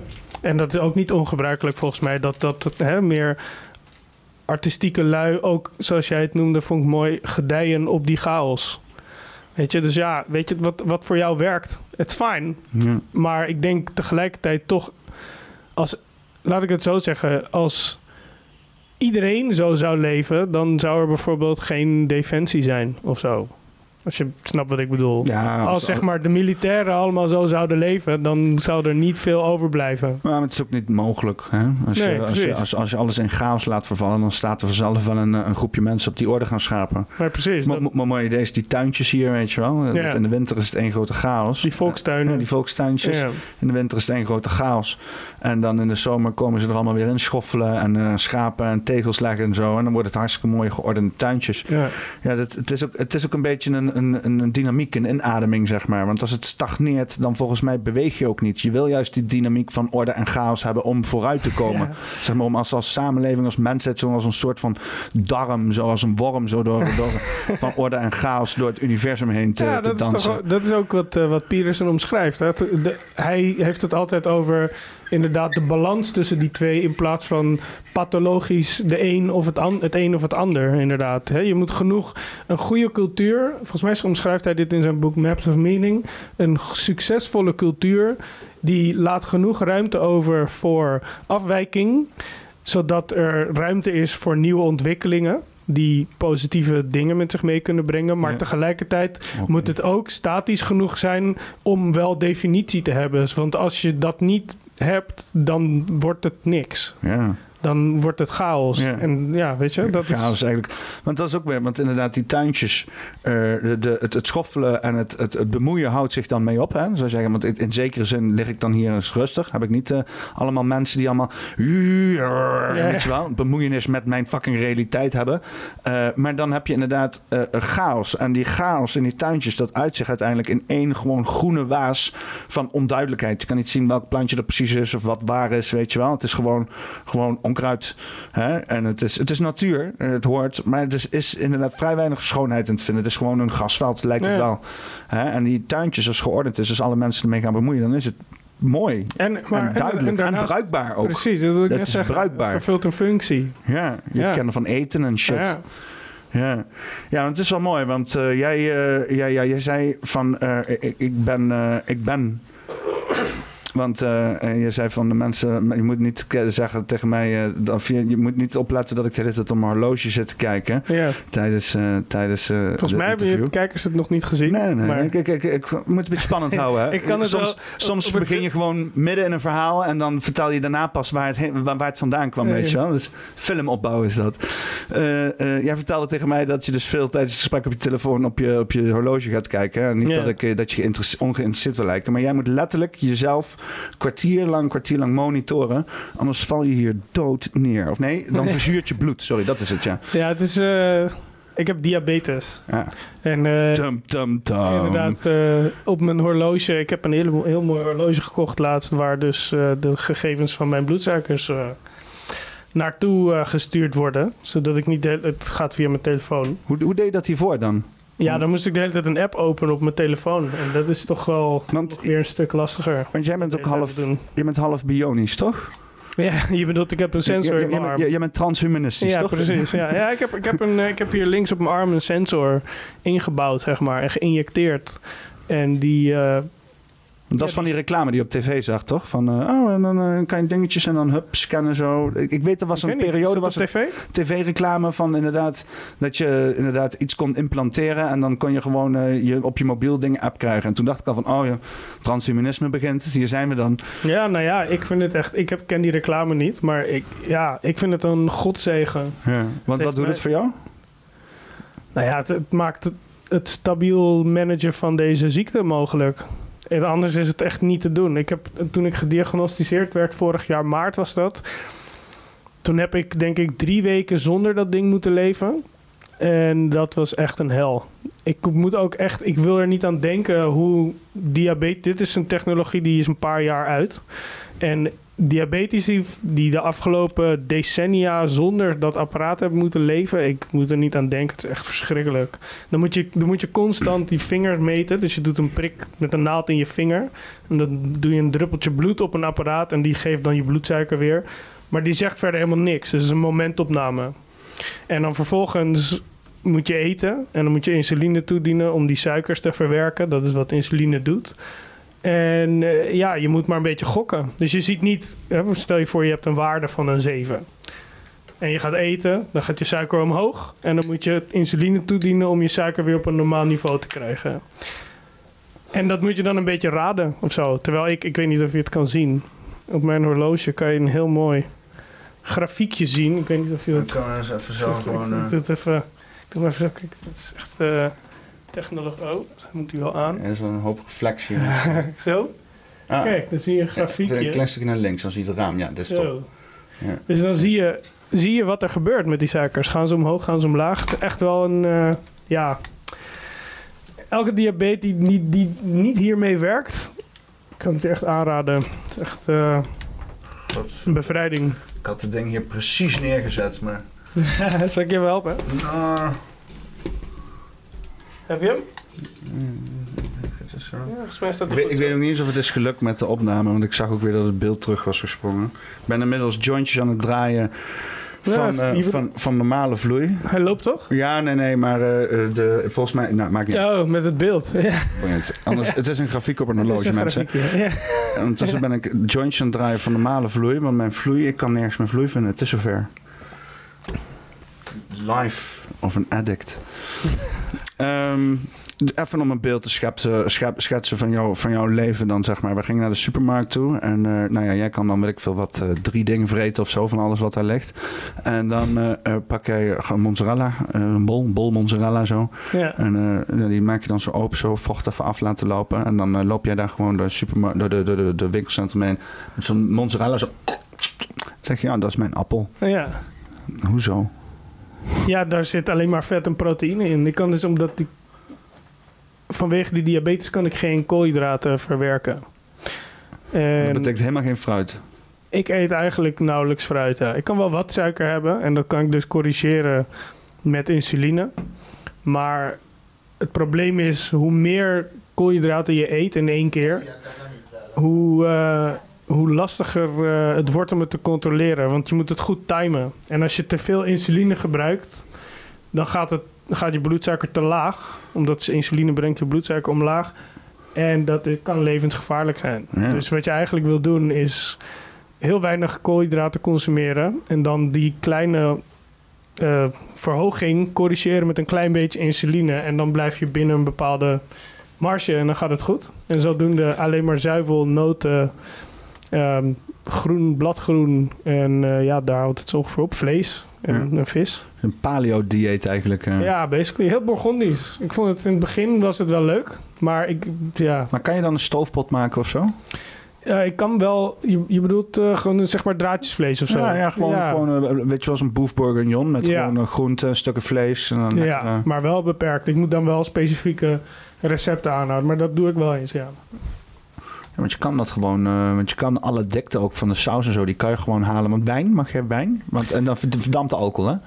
Eh, wijn in een recept is prima. Want er zit dan wel weer suiker in natuurlijk. Nou, in wijn zit in één glas ongeveer 2 gram suiker. Dus Hm. dat is echt wel goed te doen. Ja, want boef bourguignon is wel goede shit. Dat is echt inderdaad gewoon... eh, dat is echt, want er zit ook niet zo heel veel in volgens mij. Het is heel simpel. Het is gewoon een be- beetje vlees, een beetje ui, een laurierblad, een Ja. scheutje wijn. En gaan met die bourgondische Kruiden en een klein beetje meel. Waarschijnlijk, meestal. Of, Oh of ja, maar je doet hem even inderdaad, die vlees doe je even door, Ja. de, door de bloem heen. Maar dat is hoeft zo niet weinig. per se. Nee, maar het is ook zo weinig. Dat is best te doen. Ik, ik doe dat gewoon wel. Oké, nice. Ja. dat is wel heel fijn. Ja, dat is die balanceeract dan, hè? Precies. Ja. ja, maar het is wel grappig, want we hebben het dus net inderdaad over balanceren en over hoe dat, dat eh, lastig is. Jij bent daar dus gewoon je hele leven mee bezig. Constant 24-7 ben je aan het balanceren. ja, ja, eerst, eh, eerst eh, de psychedelica en dan nu de diabetes. ja. Ja, Ja, want je zei van, je bent wel getraind hiervoor of zo op een of andere manier. Nou, ik, ik deed dit voorheen ook al. Je bedoelt dat ik, dat ik ook al zo leefde daarvoor? Gedisciplineerd leven, zeg maar. Ja, ik, ik deed daarvoor ook al ketogeen eh, dieet volgen en veel eh, krachttraining en dat soort dingen. Ehm, dus ja, in dat, in dat opzicht is er niet zoveel veranderd. Alleen het probleem is nu, dat zeg ik ook in de auto, en dat bedoel ik niet per se letterlijk, maar hè, als, ik, als ik een stuk taart wil eten, dan kan dat nu gewoon niet. Dat is eh, het verschil. Dat kon voorheen wel. Ja, want wanneer kwam jij er voor het eerst achter... Hoe, hoe kwam je er überhaupt achter dat je diabetes was, eh, eh, had? Ging gewoon in één keer ergens nokkie of zo? Of, nee, dit, het, zijn, eh, het is een combinatie van een aantal symptomen die echt wel voor de hand liggend zijn. Dus als je bijvoorbeeld heel erg. Het probleem is als je dus diabetes hebt en je gebruikt geen insuline en je eet gewoon, dan gaan je suikers omhoog. En Hmm. je lichaam die kan daar niet tegen. Dan gaat op lange termijn is dat chronisch is dat echt problematisch. Dus je wordt blind. Je ledematen gaan dood, sterven af. Jezus. Je nieren gaan kapot, je lever gaat kapot. Het is gewoon één grote ramp. En ehm, in, het begin, in het be- beginstadium eh, probeert jouw lichaam dus door je nieren eh, jouw bloed te zuiveren... door alle overtollige glucose bijvoorbeeld uit te plassen. Dus je gaat heel veel urineren. En om dat te compenseren moet je juist weer heel veel drinken. Dus je wordt heel dorstig. Eh, je lichaam kan geen suiker meer opnemen, dus je hebt geen energievoorraad. Dus je lichaam gaat ook je eigen spieren verteren en je eigen orgaan. Dus je bent constant moe. Ehm, ja, dus op den duur ga je ook slecht zien. Dat, ja, dat- in een notendop, dat zijn de, de meest voor de hand liggende symptomen. Maar dat- dat had jij allemaal dus, zeg maar. Ja, en ik werkte toen eh, in een medisch centrum waar een collega van mij ook diabetes had, diabetes 2 weliswaar. Maar ik had het met haar over mijn, mijn symptomen en die zei van ja, het klinkt gewoon alsof je diabetes hebt. En drie weken later kwam dat weer ter sprake. Wat, wat deed je in een medisch centrum dan? Ik werkte voor een consortium van apotheken. Aha. Mediek met een Q? Nee, Eh, eh, eh, ja, want ik wil wel heel even, dan even, heel even weer teruggaan eh, naar het begin 2020. Toen jij waarschijnlijk nog onwetend was van je diabetes. ja. Eh, ehm, en, maar ondertussen wel heel wetend was van eh, de economie en van de politiek, denk ik. ja, zou je kunnen zeggen, I guess. Hoe, stond jij, hoe stond jij erin? Wat, wat dacht jij toen, toen ze daar kwamen met die hele uitrol van de pandemie? Dat hele corona-gedoe. Ja, weet je nog? Ja, how can I forget? De traumatische ervaring. Hoe je er ook in staat, denk ik dat het een traumatische ervaring is geweest. Ja? Eh, ja, toch? Of niet? Ik denk het wel. Of je nou het hele verhaal gelooft of niet. Ik denk dat iedereen het wel heeft ervaren als een verschrikking. Ik heb het idee dat ik geen reet ben veranderd. Echt dat ik echt dat echt de hele wereld is veranderd. Hè? Ook, Nou, ook, ook, ja. ook ik, ik was ooit links en nu ben ik rechts. Soms extreem voor sommige mensen Oh, ja, zelfs. ja, ja. Ik weet niet, ik ben gewoon hetzelfde nog steeds. Weet je wel? Dus Ja, dat is wel een ander, ander ding, ja. Maar ik denk dat dat niet per se te maken heeft met corona. Maar dat is meer... eh, tegenwoordig is alles wat eh, rechts is van eh, Mao en Stalin... dan ben je extreem rechts ongeveer. Dus dit is, weet je... Niet een label waar ik me heel erg druk om maak. maar, maar je hebt wel echt, je, je hebt wel zoiets van die shit was wel echt trauma. Je hebt jou wel rot geschrokken, zeg maar. Nou, nee, meer in de zin van voor mij. Kijk, ik vond het echt een verschrikking in de zin van het totalitarisme wat zich openbaarde. En ook eigenlijk pas richting het einde, om het zo maar te zeggen. eh, voor zover het al geëindigd is, die hele, de, de hele gedoe. Toen de mondkapjesplicht eh, opgeheven werd Ja. toen liep ik over straat en in de supermarkt en, en ineens droeg echt bijna niemand meer mondkapje. En dat was voor mij wel weer een openbaring in de zin van al deze mensen deden dit dus niet vanwege hun eigen gezondheid, maar gewoon puur omdat ze volgzaam, gehoorzaam zijn. En dat was wel weer dat ik dacht van wow, Conflictvermijdend misschien ook. Ja, waar, wat ook de oorzaak is. Het gevolg is, dat ze... Ik heb ook mondkapje gedragen. En Ja. het was voornamelijk conflictvermijdend. Dat ik echt gewoon geen zin had om aangesproken te worden die dag. Ja, dat snap ik. Dat heb ik ook wel eens gedaan, maar bijna niet eerlijk gezegd. Ik, kijk, ik snap ook wel pick your battles, weet je. Maar ja, tegelijkertijd... Weet je wat het grote kwaad waar we het net over hadden, de democide? Ja. Als je kijkt naar de dynamiek die daar aan ten grondslag ligt, is het volgzaamheid, is het gehoorzaamheid. Hè? De, de, het idee van I was just following orders, dat was de Nuremberg defense naast uh, wir haben es nicht gewusst. Ja. Hè? Ik doe gewoon wat mij gezegd wordt. Ja, dat is dus het probleem. Dat is hoe er mensen in, in gaskamers beëindigen. Ja, het wegkijken, het oké vinden. Ja, Het- en gewoon niet kritisch zelf zijn. En, en eh, dapper en moedig genoeg zijn om je er tegen te verzetten. En dat bedoel ik niet als, als een verwijt naar jou omdat je mondkapje droeg. Maar Nee, nou ja, kijk, het was, er kwam op een gegeven moment een moment dat ik inderdaad, toen het nog niet goedgekeurd was, dacht, nu is het klaar. Ja. Weet je wel? En toen heb ik voor mezelf besloten, van nu ga ik er ook niet, niet meer aan meedoen. Ik heb het niet op mijn social media gezet, ik heb het gewoon besloten. En Ja. nu ga, ik- daar ga ik ook niet meer naar terug. En dan proef je ook een beetje de kansen die er zijn. Al die angsten die je eerst had, zelfs ook, want het conflict vermijdende wat ik had, is dus dat ik geen zin had om aangesproken te worden en daar een of andere fucking discussie te moeten gaan doen, terwijl ik nog niet eens mijn koffie op heb, ja, En, eh, en, en, en, eh, want daar ben ik dan uiteindelijk bang voor. Dat ik uit mijn voegen spring en daar een of andere fucking scène zit te maken. Ja. Terwijl ik daar... Dat, eh, dat is het niet waard. nee, dat, dat denk ik niet. En, eh, maar toen ik het dus ging doen, toen kwam dat helemaal niet. Ik dacht echt van, kerel, wat de fuck heb ik dan lopen doen? Waar ben ik bang voor geweest, weet je wel? Er gebeurt helemaal fucking niks. En volgens mij heb ik daar Boris van der Ven aan te danken... die dat letterlijk zei op zijn podcast. Er gebeurt helemaal niks, weet je Ja. wel? Als er domme regels zijn waar ze niks aan kunnen doen... Hè, kijk, het, het is anders als er, als er... Ik bedoel, ja... Hè? Kijk, eh, je zit wel eens inderdaad... We gaan gewoon lekker die Tweede Wereldshit erbij halen, jongens. Hè? Tweede Wereldoorlog. Ja, ja, Ja, even lekker jodenvervolging, alles. Moet je voorstellen, hè? Eh, er is dus inderdaad een, een decreet en eh, eh, alle joden moeten weer wederom eens een keer de trein op.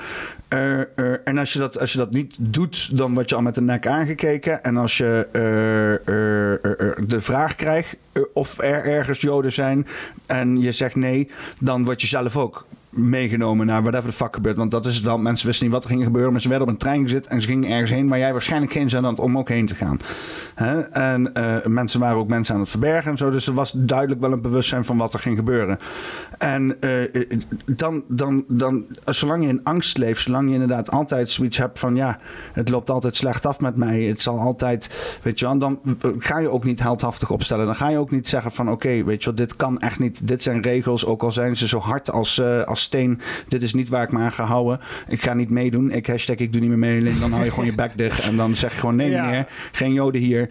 En eh, eh, eh, terwijl je je hele kast vol hebt hangen. Want dat is natuurlijk ook een risico. En dat is dan ook zeggen van als je, als je er ook voor staat dan neem je het risico ook mee. Weet je wel, dat had ik ook met die pandemie. Van oké, ik ga niet meedoen met die totalitaire shit. Maar dus ja, mocht ik het fout hebben en ik ga dood door allerlei rare besluitingen, omdat ik eh, nou eenmaal ideologisch besluit, dan zo so be it. Weet je wel? Als ik inderdaad kies om eh, op mijn zolder een stelletje joden te verbergen tegen de nazi's en dan wordt me dood, dan zo so be it, zeg maar. Ja, maar om het even in perspectief die- te die- plaatsen. Die, die, die angst, zeg maar, die moet gewoon eens een keer ophouden. Want dat zorgt ervoor dat je dus elke keer allerlei keuzes gaat maken die niet het dichtst bij jou staan. Ja, maar om, om, om het in perspectief te plaatsen.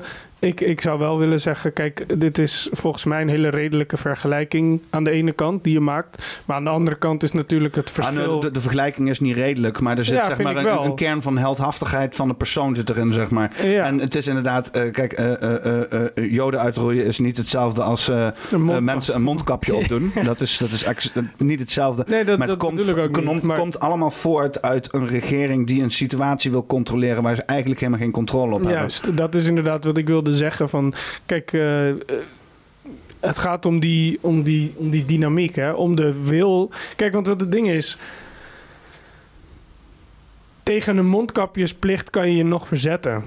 Als ik tegen iemand zeg van ja, ik ga het niet doen, man. Ik, ik, ik ga het gewoon niet doen. Ik heb dat ook letterlijk gezegd. Dat ik bijvoorbeeld aangesproken werd door manager in de Albert Heijn. En die zegt, waar is je mondkapje? Ik zeg, heb ik niet bij me. Zegt hij, oh, waarom niet? Ik zeg, ja, gewoon niet. En toen bleef ik hem gewoon zo aankijken. Zo van, ja, ik weet niet wat je van me wil, maar ik ga nu weer door met winkelen. En toen ben ik gewoon weggelopen. Ben ik gewoon doorgaan met winkelen. Waarom dat- niet, inderdaad? Ja, nou ja, ik weet niet wat je van me wil. Ik ga het niet doen. Punt. Dus, maar goed, dat is dus een, natuurlijk een stuk makkelijker dan liegen tegen een SS'er die aan je deur staat terwijl jij Yoda helpt onderduiken. Ja, het is Weet een je, heel dus- stuk makkelijker zelfs inderdaad. En zelfs dat deden mensen ook nog niet eens. Maar wat ik, het punt wat ik wilde maken daar is dat het wel begint bij dat soort kleine dingen. zeg maar, als jij, stel je voor, ehm, je ziet dingen gebeuren op straat, weet ik veel, in eh, 1938 of zo. De, ruim voordat eh, de, de oorlog begon, of laten we het 1935 noemen. Toen waren er ook wel al tekenen van natuurlijk, eh, ja, anti-Joods sentiment en Ja, zo. dus dat, ging de- dat was het hele begin van de 1900e eeuw, toch? Was alleen Ja, maar, eh, natuurlijk, het, het sleept veel, het was al veel eerder eh, aanwezig natuurlijk. Dat is die- historisch. s- Sinds ding. die, eh, sinds die eh, Protocols of Zion zijn eh, gepubliceerd, door wie de fuck dan ook, eh, is er weer een hele new age hetze sinds Jo- Joden gaande, zeg maar. Ben ik niet mee bekend. Ja, je hebt dat? zeg maar eh, Protocols of Zion. Dat is dan zeg maar. Je had sowieso Zionisme was opkomend. En dat betekent gewoon Joden die zeiden van.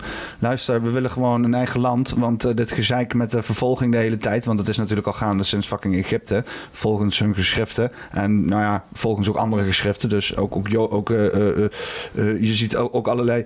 Ook bij anderen. Je ziet constant ook bij de Romeinen en bij, bij de Grieken. En weet ik veel, allemaal dingen die je leest. Dan iedereen die zit te bitchen op de fucking Joden, weet je wel. Omdat ze ja, altijd van buiten komen en ergens in zitten.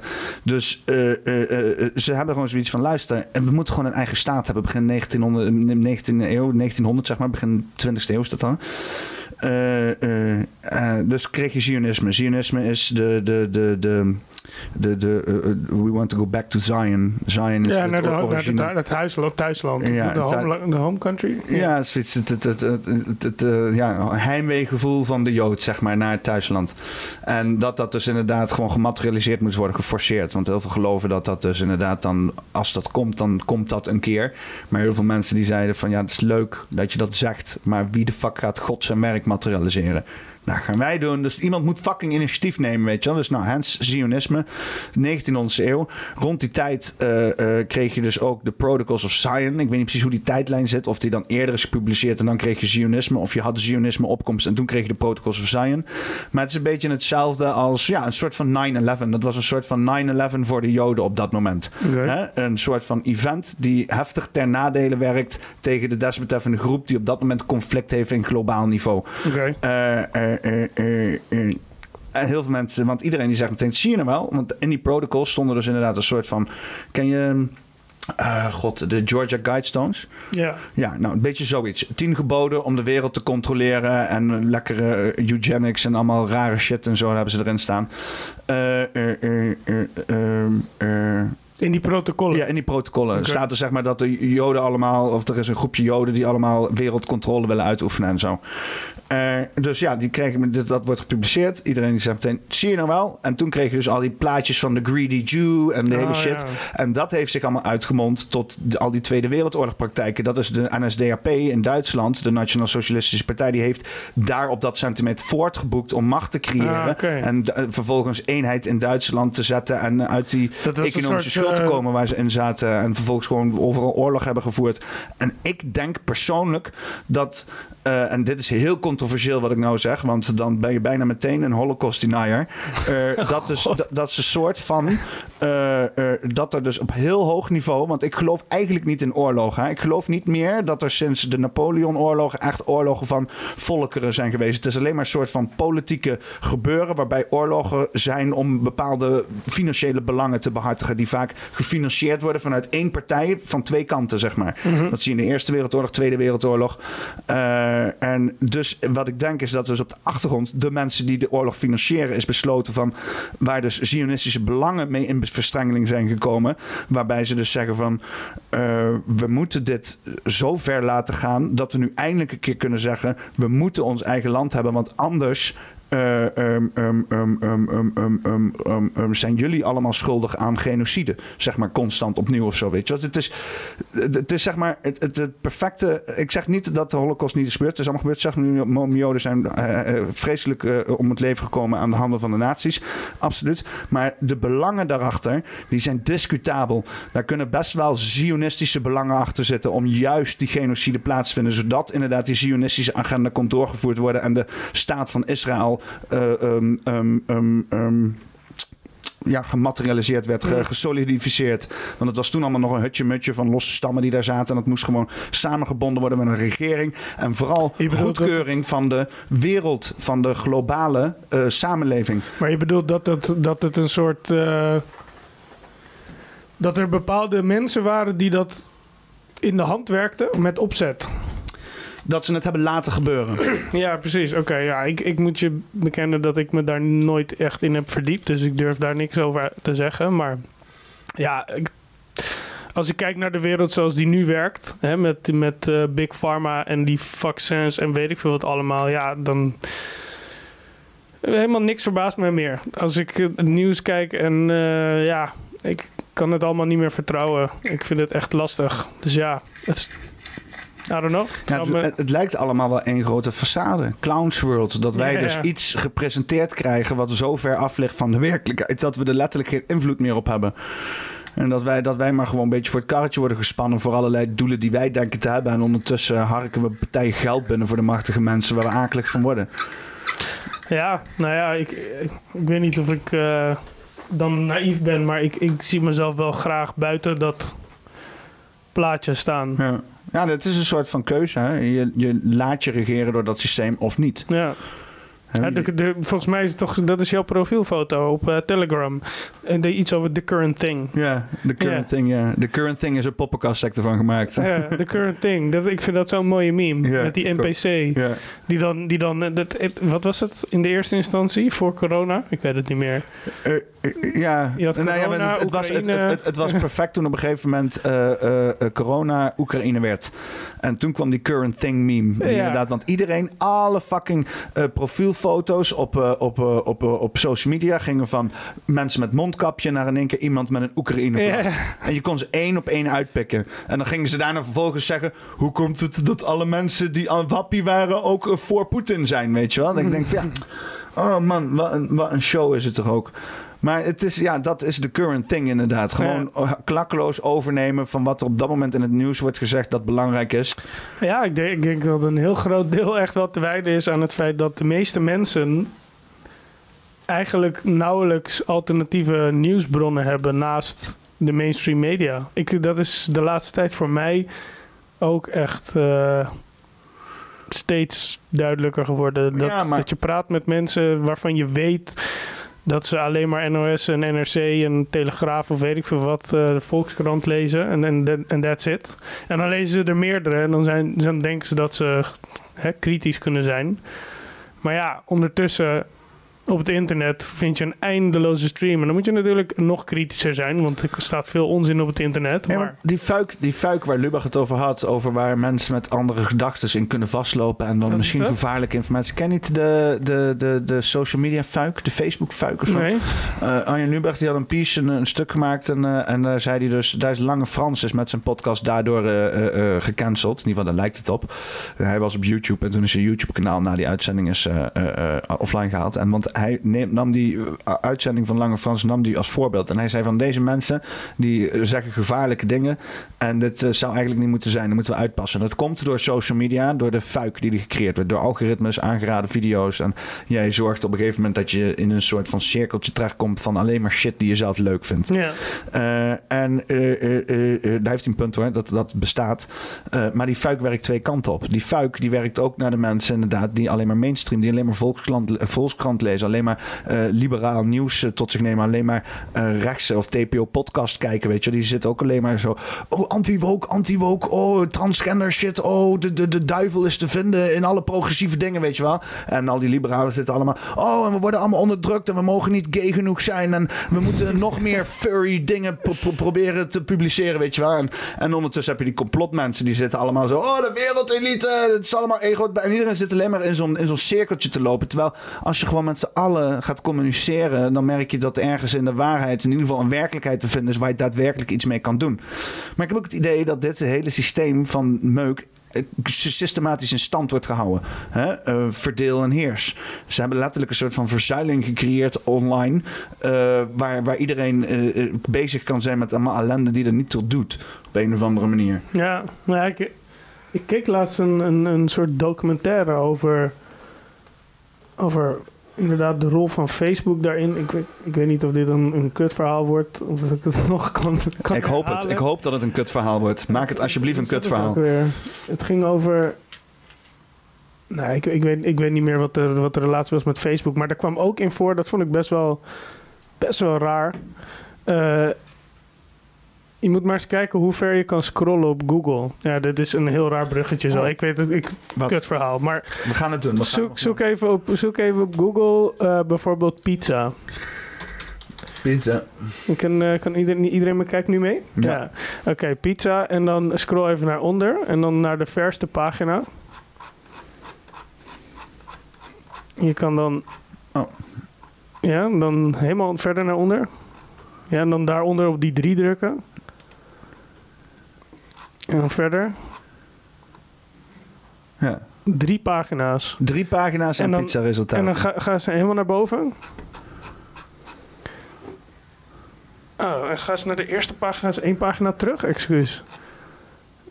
Ja, op die eerste pagina daarboven. Kijk, daarbovenaan staat. 100, 1, mil- 1 miljard 770 miljoen results. Ja, en dan ga je dus. En- dit is wel een heel extreem voorbeeld. Maar dan zie je dus drie pagina's.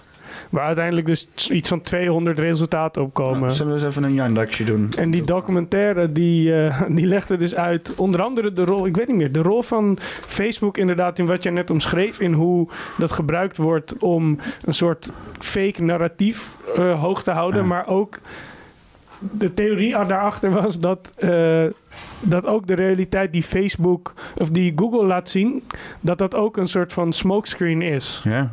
Omdat je dus, je ziet, Dit is Yandex. Hier kan je gewoon gaan. Hier krijg je een eindeloze... Hij laat maar elke keer twee pagina's meer, maar er komen altijd weer twee nieuwe pagina's achter.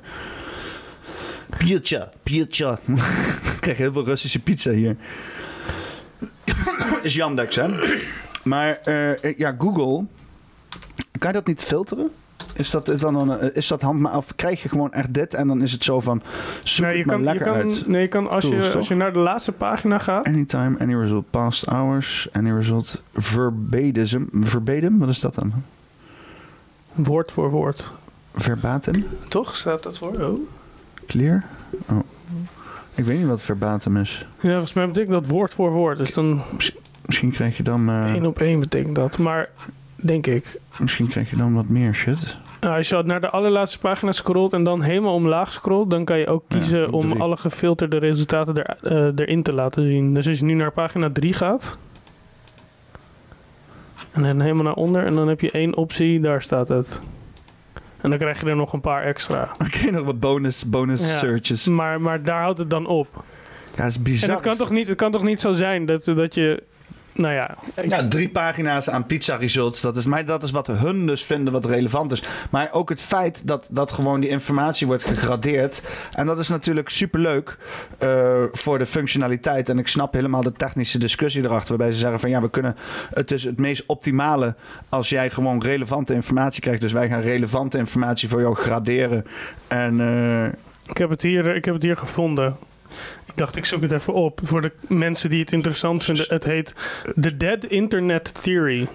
Ik vond dat is echt wel... eh, is dat een filmpje of zo? ja, dat zijn... Stu- een, het, Kan een je het Telegram sturen? Of, eh? het is een, een half uur eh, filmpje. Oh jezus. Nou, stuur hem in de Telegram. Dan misschien even een klein stukje opzetten. Even kijken. Dit is een... Ik moet mijn telefoon nog op stil zetten. Dat heb ik helemaal niet gedaan. Oh, nou, is tot nu toe is het helemaal goed gegaan. De Dead Internet Theory. Want ik ken dit, ik ken dit wel, Iemand inderdaad. stuurde dat laatst naar me. Ik dacht, het klinkt interessant. En ik was wel weer even... Er komt rare dingen tegen. Ja, want gaat het niet over eh, dat er dus inderdaad eh, eh, in het internet een AI is die tot leven is gekomen? Nou, dat komt er ook wel in voor, volgens mij. Ja, iets in die richting. Ja, want ik, ik ben Door daar de- dus ook nu de laatste tijd door gefascineerd. Want ik zie ook dingen eh, op internet terugkomen, reacties, dat ik echt denk van dit ziet eruit als een bot die probeert de mensheid te snappen. Ja, oh ja, daar ging het ook over inderdaad. Over bots. Hoeveel, hoeveel eh, interactie op het internet het bestaat uit bots? Komt erin langs. Ehm, wat was het nog meer? Ja. Oh ja, allemaal gebroken links. Ze, ze hadden het over... ehm, als je kijkt naar... Volgens mij ging het over de, de, de documenten van de Amerikaanse rechtspraak.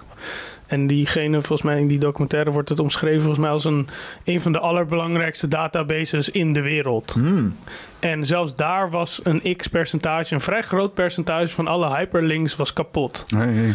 En ja, het ging erover dat, dat eigenlijk het hele internet, of een groot deel van het internet ook zo leeft. Als een soort van schizofrene structuur die, Van, van losse eindjes die Ja, nooit... eh, die langzaam maar zeker uit elkaar aan het vallen is. En uiteindelijk alleen nog maar eh, een soort van in stand wordt gehouden door dus onder andere bots en, en bepaalde belangen die daarin in, in sturen en zo. En ja, Ja, dat, dat, oh ja, dat inderdaad 80% van de internetactiviteit gewoon bots zouden Ja, zijn. En dat, ja. ja. want dat zie je al met Twitter, toch? Je ziet Elon Musk al eh, dingen twitteren en zeggen van... hé, hey, luister, Twitter is... eh, en ik heb trouwens, eh, volgens mij is dat eh dehypnotiseer tip 6 of 7. En dat is inderdaad, volgens mij 60 tot 80 miljoen Twitter-gebruikers zijn bots. En eh, Elon Musk is ook nog eens een keer eh, de aanval aangegaan met eh, zijn acquisitie van Twitter.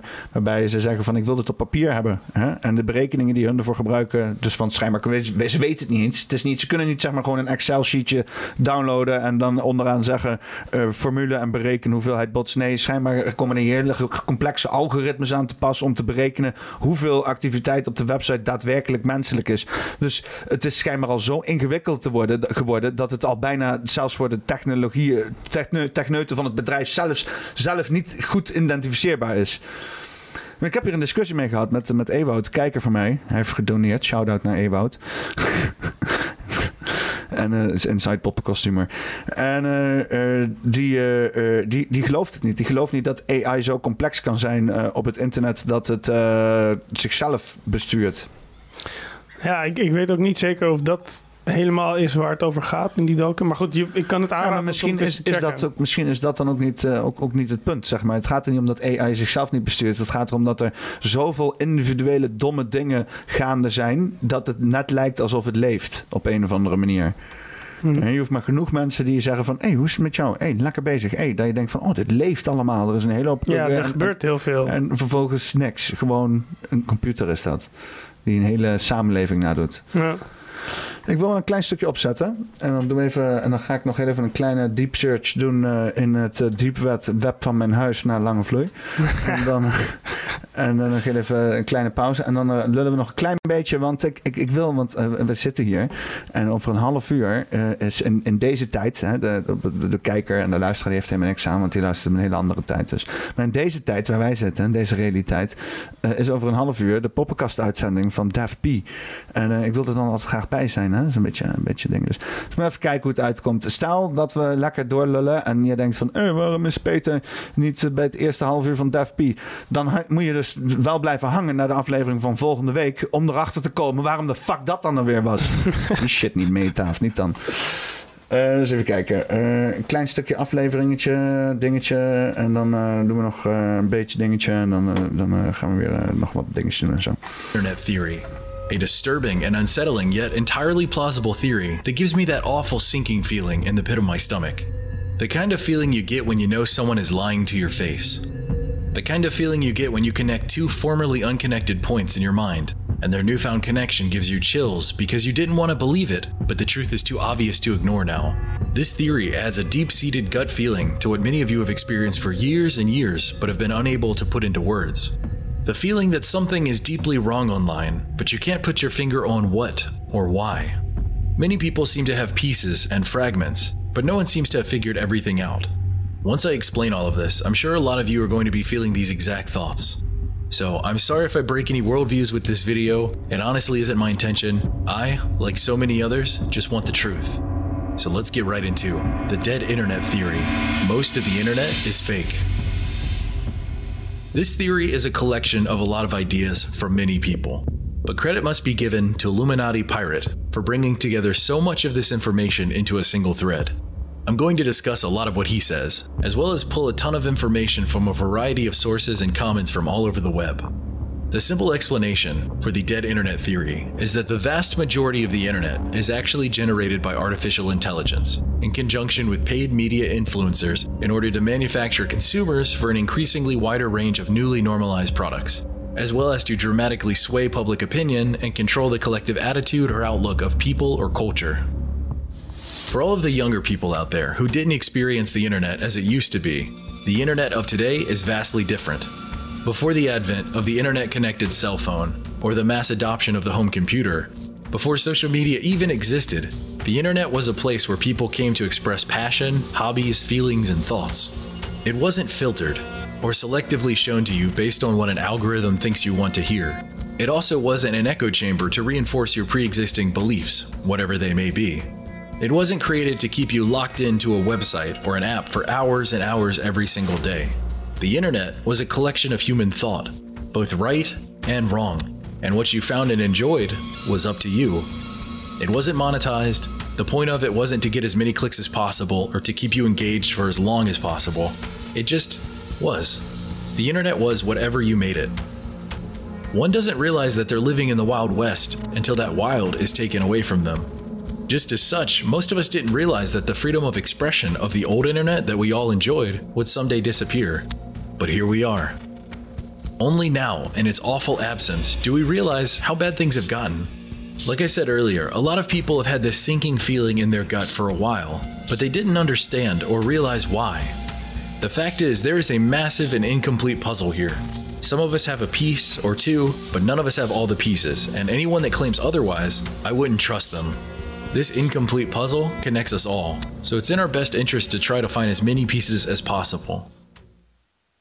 Dit is een dringende oproep aan iedereen die hardop zichzelf voorleest. Hardop in jezelf voorlezen is de grootste fout ter wereld die lezers maken. Toch doet 80 These days, the internet feels so empty and devoid of people. Have you ever noticed that? Truly hear me out here. The internet feels devoid of content. It's safe, sterile, bland. There is nowhere to go, nothing to do, see, or read. There are no experiences anymore. It's a collection of 10 or so websites or apps that everyone visits over and over again until they go to sleep, only to do it again the next day. It's a series of empty husks. The internet seems gigantic, but it's more like a hot air balloon because there's nothing inside. The same repeated threads and pictures and similar replies reposted over and over again across the years, to the point that it's unremarkable anymore. All of your friends enjoying the same funny video as you, the same talking point shared repeatedly over and over online, or how every day something new is trending, so you better jump in and give your take on it. Every day, it's something, so the conversation can never linger too long. There's always the next new or shocking or unusual thing everyone is talking about. I'm sure everyone watching this has heard of a news story that sounds like the one that they've heard a thousand times before, but this time it's new and shocking and unusual. It boggles the brain. For example, how many times have we heard something about a new type of moon only happening tonight or tomorrow? A blue moon, a blood moon, a super flower blood moon, a pink moon, a super pink moon, a hunter's moon, a snow moon. You get the point. Why does everything feel so fake and manufactured? It's always the same thing or a slightly different thing repeated over and over as if it's produced content made to distract and occupy your mind. Nou, godverdomme, ik kon geen vloei vinden. Eh, dit, is wel, eh, dit is wel diepe shit volgens mij, of niet? eh? Ja, ik kan het wel. Ja, je moet een beetje openstaan voor dingen, maar ik vind het altijd wel leuk om dit soort, dit soort dingetjes te kijken. Jimmy Kimmel. In een context van everything feels so fake. ja. ja, maar toen... ken jij Channel 5? In welk, hoe bedoel je? Eh, Weet ik niet. Andrew Callaghan. En eh, die, eh, die, die gaat... ja, die- hij heeft zeg maar disassociatieproblemen. En een manier hoe hij ermee omgaat... is dus naar daadwerkelijk mensen toe te gaan... om uit te zoeken hoe het ja, eigenlijk echt zit. Hij zegt van als ik gewoon in de situatie sta... dan voel ik tenminste dat het echt is. Hè? En anders dan... ja, krijgt hij disassociatieproblemen. Dus hij is bijvoorbeeld eh, naar de war in Oek- Ukraine geweest. weet je. Oh, I'm fine. I'm not at home. Uh, I came from Kiev. I really want to go home, but uh, I think it won't be safe for my daughter, so we will stay somewhere here and just wait. What do you miss most about home? My ordinary life, you know, just to drink some coffee in my favorite uh, cafe and uh, to bring my daughter to the kindergarten, just normal stuff. It will never be the same as it was.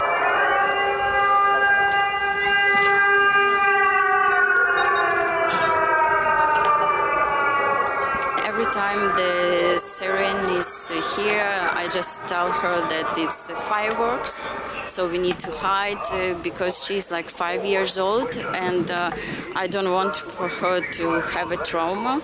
Just fireworks. Yeah, just fireworks, loud fireworks.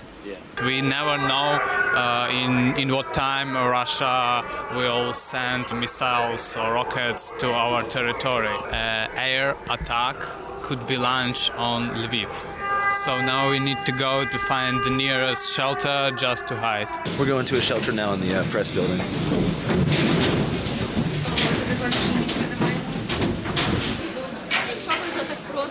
That was uh, genuinely pretty fucking uh, terrifying. Each time it's really scary, uh, especially at the night. Then you want to try to chill and sleep.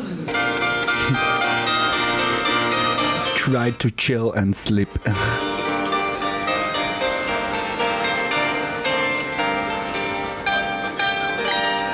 Zo.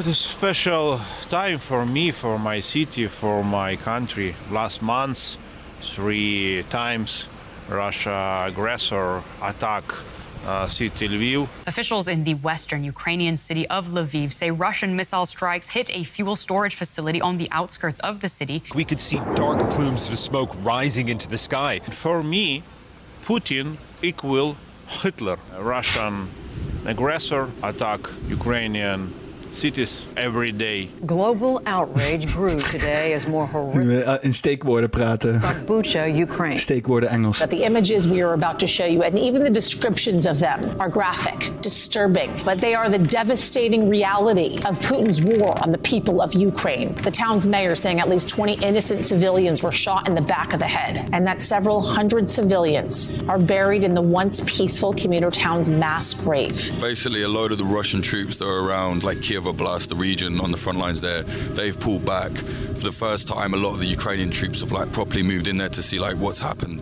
and they're just finding like mass graves, over 400 probably civilians, you know, old people, young people. They're finding loads of images of people with their hands tied behind their back, dead in the street. It's like it's probably an execution, right? So it's looking like there was a massacre. Uh, all world must isolate Russia. Next 50 years. Russia, it is Nazi country. Headshot, Oekraïnse.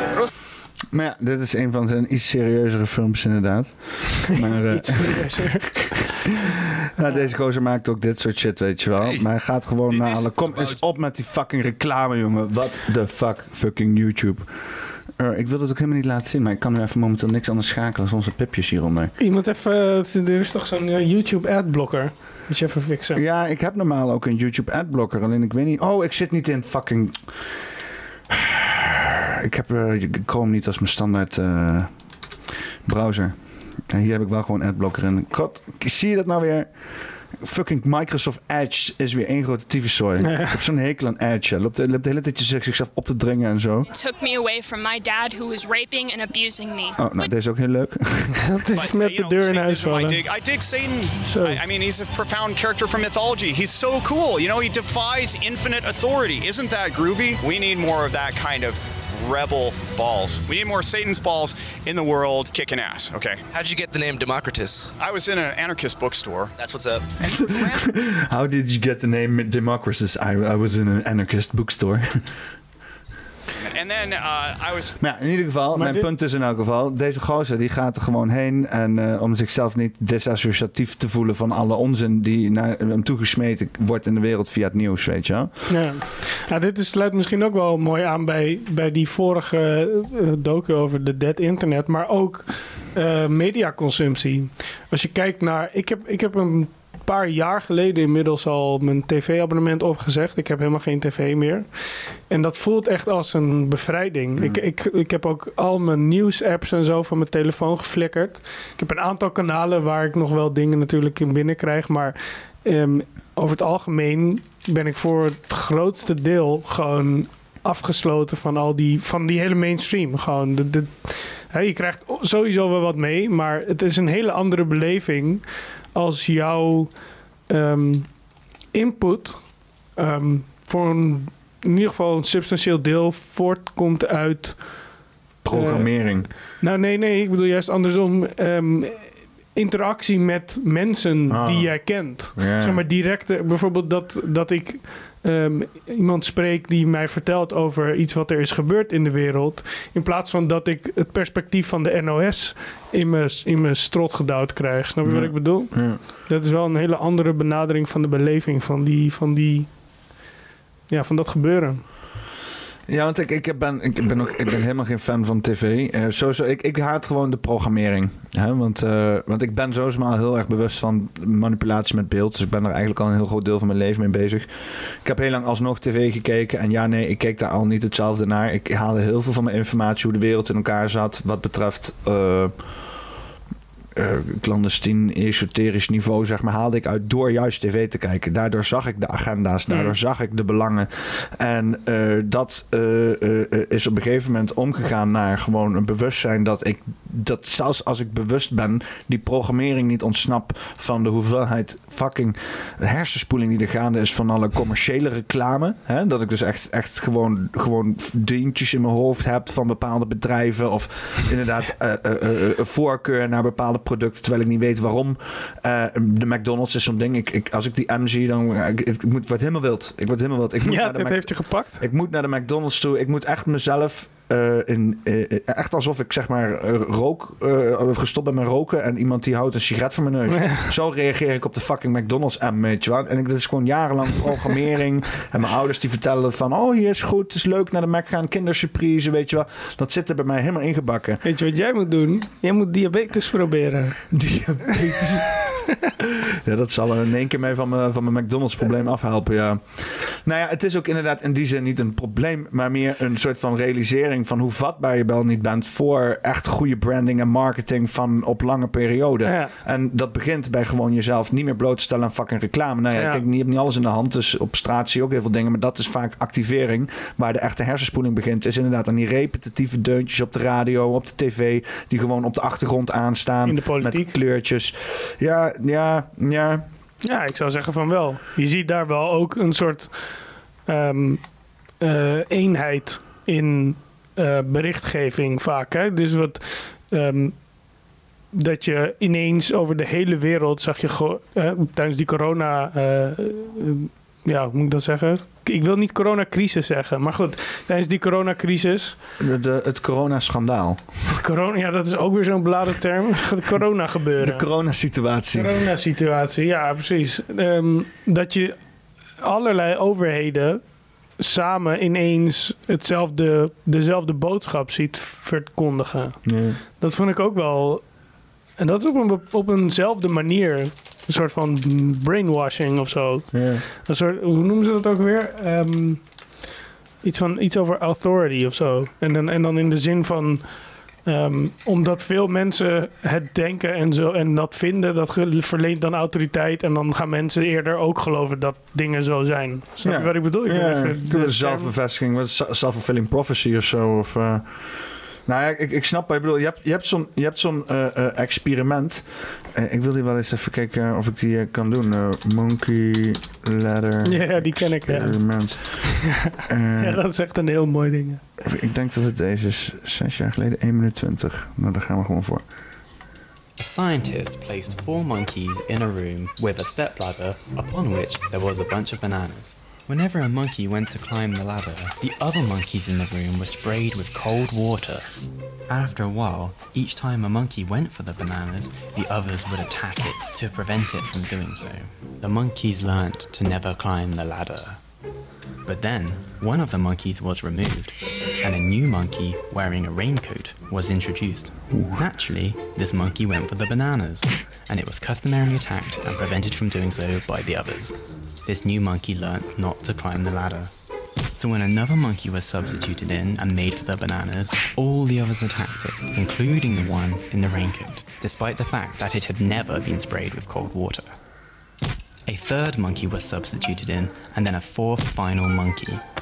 And still, whenever a monkey tried to climb the ladder, the others would prevent it from doing so, even though none of them had ever been sprayed with the cold water.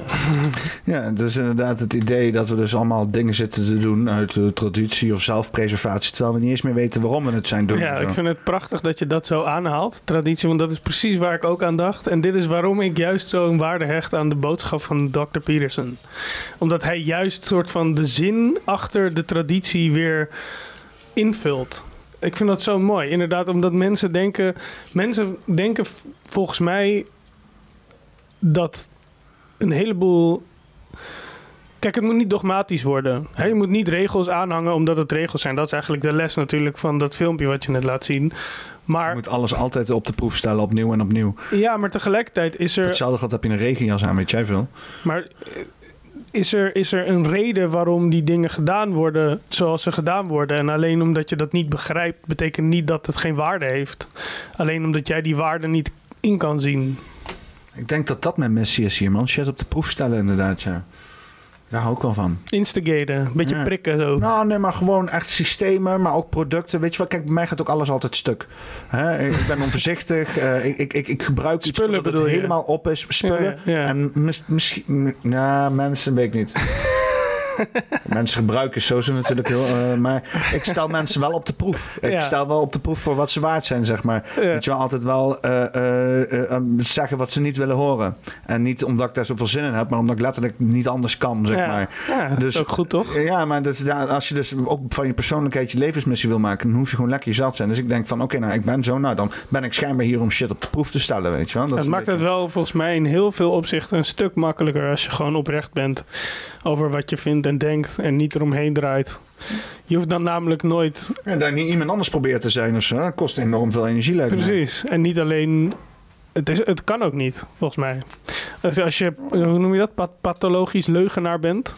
Die om zijn er, extreem te, te schetsen. Die, volgens mij hebben die echt een kutleven. Ja, je zal het nooit weten, want de goede die zou je nooit ontdekken. Ben je een pathologisch leugenaar? Oh, Ja. Slechte pathologische leugenaar. Hier heb je een positie als minister-president. Ja. Ja, ja, dat is echt, echt hè. Ja, want eh, kan je politiek doen zonder te liegen? Want je hebt zeg maar vroeger bij presidenten en zo, dat je dus bijvoorbeeld George Washington was bekend dat hij nooit loog, zeg maar. Hè, daar is zeg maar het, de, de eerste politici van, van Amerika, toen het zeg maar nog pril was en integer, eh, toen was zeg maar hun beeld van, oké, we hebben hier een, een, een eindelijk een leider die niet liegt, zeg maar. Dat was zijn trade sales. Zelfs Mhm. Tony Chocoloni die in de winkel gaat liggen met slaafvrije eh, chocola, impliceert dat de rest niet slaafvrij is, weet maar je wel. ondertussen Dus wel reclame maken met Che Guevara. Ja.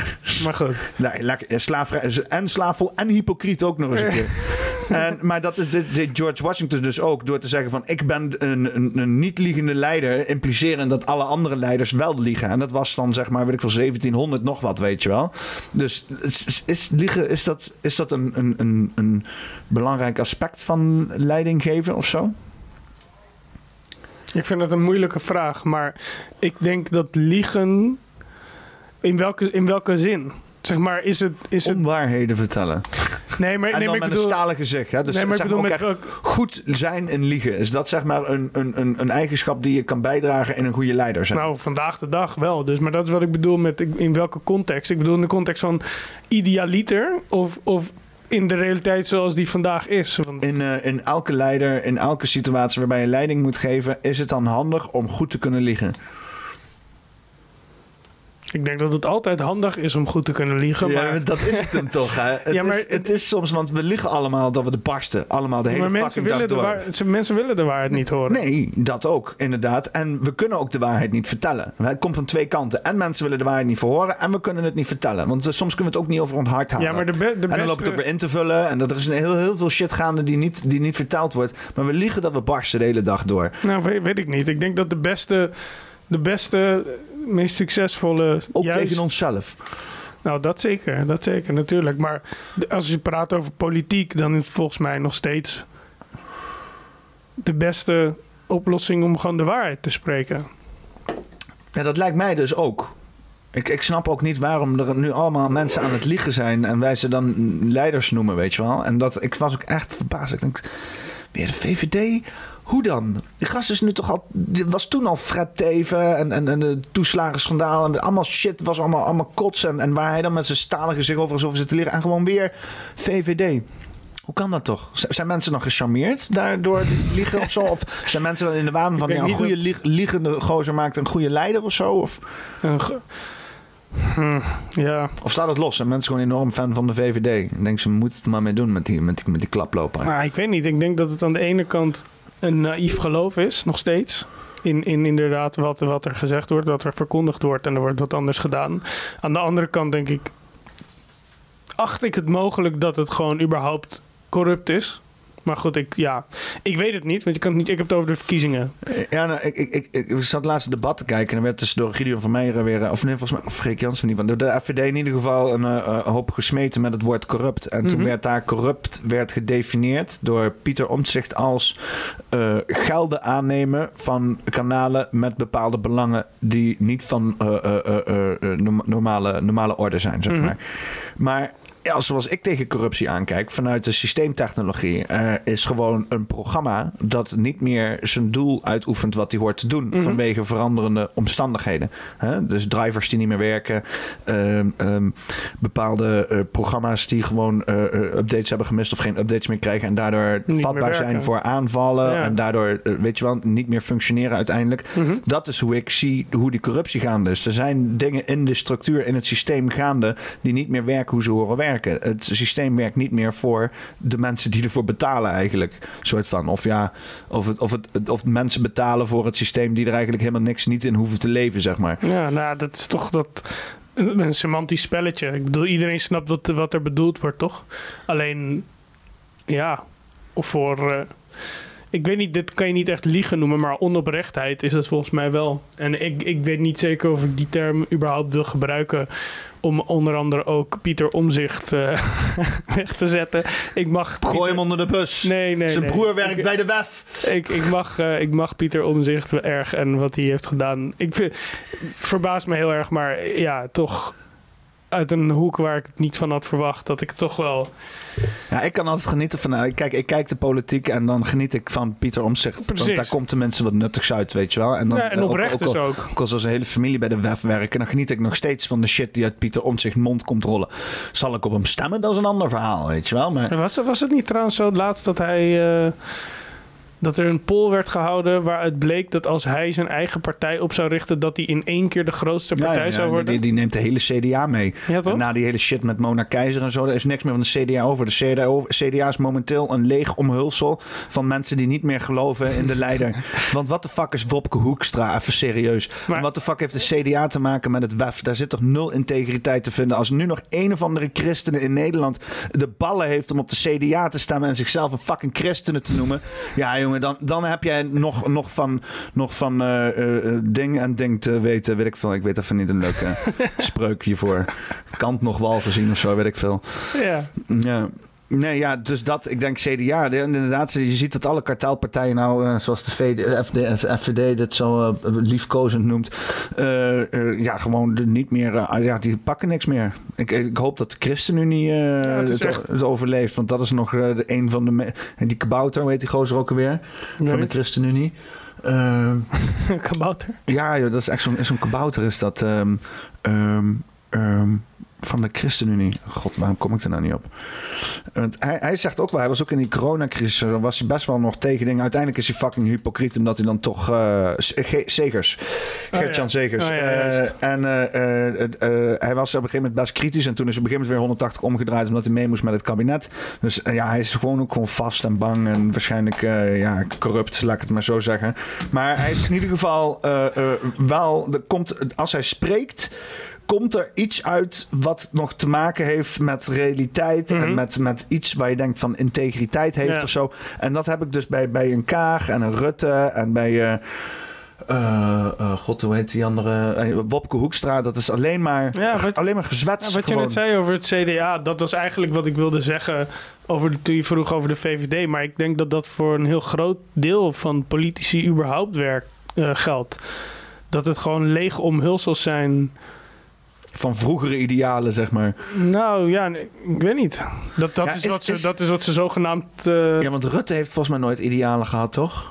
Die heeft, eh, die, die, die, die- je hebt van die beelden dat hij op zijn, eh, weet ik veel, 16e zat te de- debatteren over eh, draagmoederschapsrechten. En dat dus inderdaad, weet ik veel, draagmoeders geld mochten vragen voor het kind wat ze, wat, ze, wat ze baarden en dat soort zaken. Je bedoelt handel in kinderen. Ja, ja, Een soort van- zoiets, zoiets dergelijks, ja. ja. Ja. Ja, nee, daar zie je niks meer van. Dat is oude Rutte is dat. Nee, volgens mij zit dat er allemaal goed in, inderdaad. Maar je ziet ook waar die vandaan komt. Maar ik snap niet dat dat dan... eh, ja, ik weet niet. Zijn wij, is Nederland gewoon niet misschien gevuld met satanisten of zo? Allemaal, zitten allemaal, weet je wel, die komen dan allemaal buiten naar buiten op de Pride Parade. En dan... eh, ik zweer, mensen in Nederland die zien die shit zo. Hè? Die, je hebt van die hardcore christenen, christenen die echt eh, helemaal conservatief zijn. En, eh, en die, die, die, die, die, die zien dus inderdaad die Pride Parade als dus de ultieme uiting van de duivel. Van mensen die dus inderdaad eh, exorbitant gedragen. En dat komt allemaal door de, door de liberale aanhang. En dat zijn dus inderdaad mensen die dus in het weekend allemaal pentagrammetjes tekenen op de vloer. Met kaarsjes, allerlei rituelen gaan doen naar, dat naar Beelzebub en zo, weet je wel. Klinkt als een karikatuur. Maar Ja, op nou, dit- Oké, nou, dit is dit, dit mijn karikatuur van huidige extreemrechtse conservatieve internetmensen. En eh, eh, wat, wat, wat, wat, wat grap eh, daarin is, is. ehm, ik weet niet meer waar ik heen ging met dit. Kutzooi. Excuus. Nou, maakt niet uit. maakt niet uit. Ik weet niet eens waar het, of het ergens heen Ik, ging. ik kan het wel oppikken. Het, het is een karikatuur, maar op zich zit er wel wat in. In de zin van, als je... Als je ik hoor eh, muziek, of niet? Als je... ehm, Oh ja, mijn aflevering eh, van de poppenkast begint natuurlijk. ja, die speelt nu. Maar die is nu live aan het spelen. In een andere kamer. Ja, ik denk het wel. Ja. right. Ik wil heel even in de chat zeggen dat, eh, dat ze welkom zijn. En dan, en dan gaan we nog heel even door. Dat je, dat je voor... ehm, ik weet ook niet meer waar ik heen ging. Ja, we zijn Ehm, helemaal afgeleid nou. iets, hoor. over, iets over dat je om bepaalde dingen te, te definiëren... moet er limieten aan zijn of zo. Zoiets wilde ik zeggen. Maar ik weet niet meer hoe ik dat wilde aanhaken op, eh, op, op, op jouw verhaal. Ja, ik weet nauwelijks meer waar ik het over had eigenlijk. De karikatuur. Ja, van inderdaad die, eh, die, die rechts... eh, eh, ja, inderdaad. Ja, nee, maar dat is inderdaad mensen rondlopen met dus inderdaad die, dat hun ook een karikatuur maken van dus inderdaad liberale mensen. Hè? Liberale mensen die dus inderdaad... Wat, wat, oh ja, waar ik dit naar wil terugbrengen is dat je dus inderdaad dat soort mensen hebt. Hè? Die dus inderdaad denken dat satanisten lopen onder de Pride Parade om dus allemaal onze genderfluïde te maken, net zoals de duivel. En dan, dan, dan zie je dan vervolgens eh, in die Pride Parade... eh, oh ja, en iedereen is ook nog eens een keer pedo. Iedereen is pedo. Eh, en dan zie je dus in die Pride Parade volwassen mannen in eh, leren hondenkopjes lopen... en dan eh, bloemetjes geven aan kinderen of zo. Of kinderen die bloemetjes geven aan, aan, aan, aan die hondenkoppen. Dus een soort van, een soort van kinky-achtige shizzle die er gaan is in die Pride Parade... wat dan gemixt wordt met kinderen. En ik zit er en dan ziet... en daar is dan ophef over op Twitter. En denk ik van ja... ach, wat zijn, wat zijn we aan het doen dan, weet je wel? Wat, wat gebeurt hier? Wat is dit nou? In, wel, in welke zin? Ja, er was dus inderdaad zo'n... eh, dat heet iets van de puppy walk of zo. En dat zijn dus ja, mannen en vrouwen, denk ik. Of mensen die zich niet identificeren met gender. Die dus een soort van ja, hondenkop, leren hondenkoppen opzetten. En dan eh, ja, zichzelf gaan uitlaten. En dat is dan een soort van expressie van, van vrije seksen of zo op een of andere manier. En dat wordt dan gemengd met in een publieke ruimte. Waar dus ook kinderen lopen en zo. En dat soort zaken.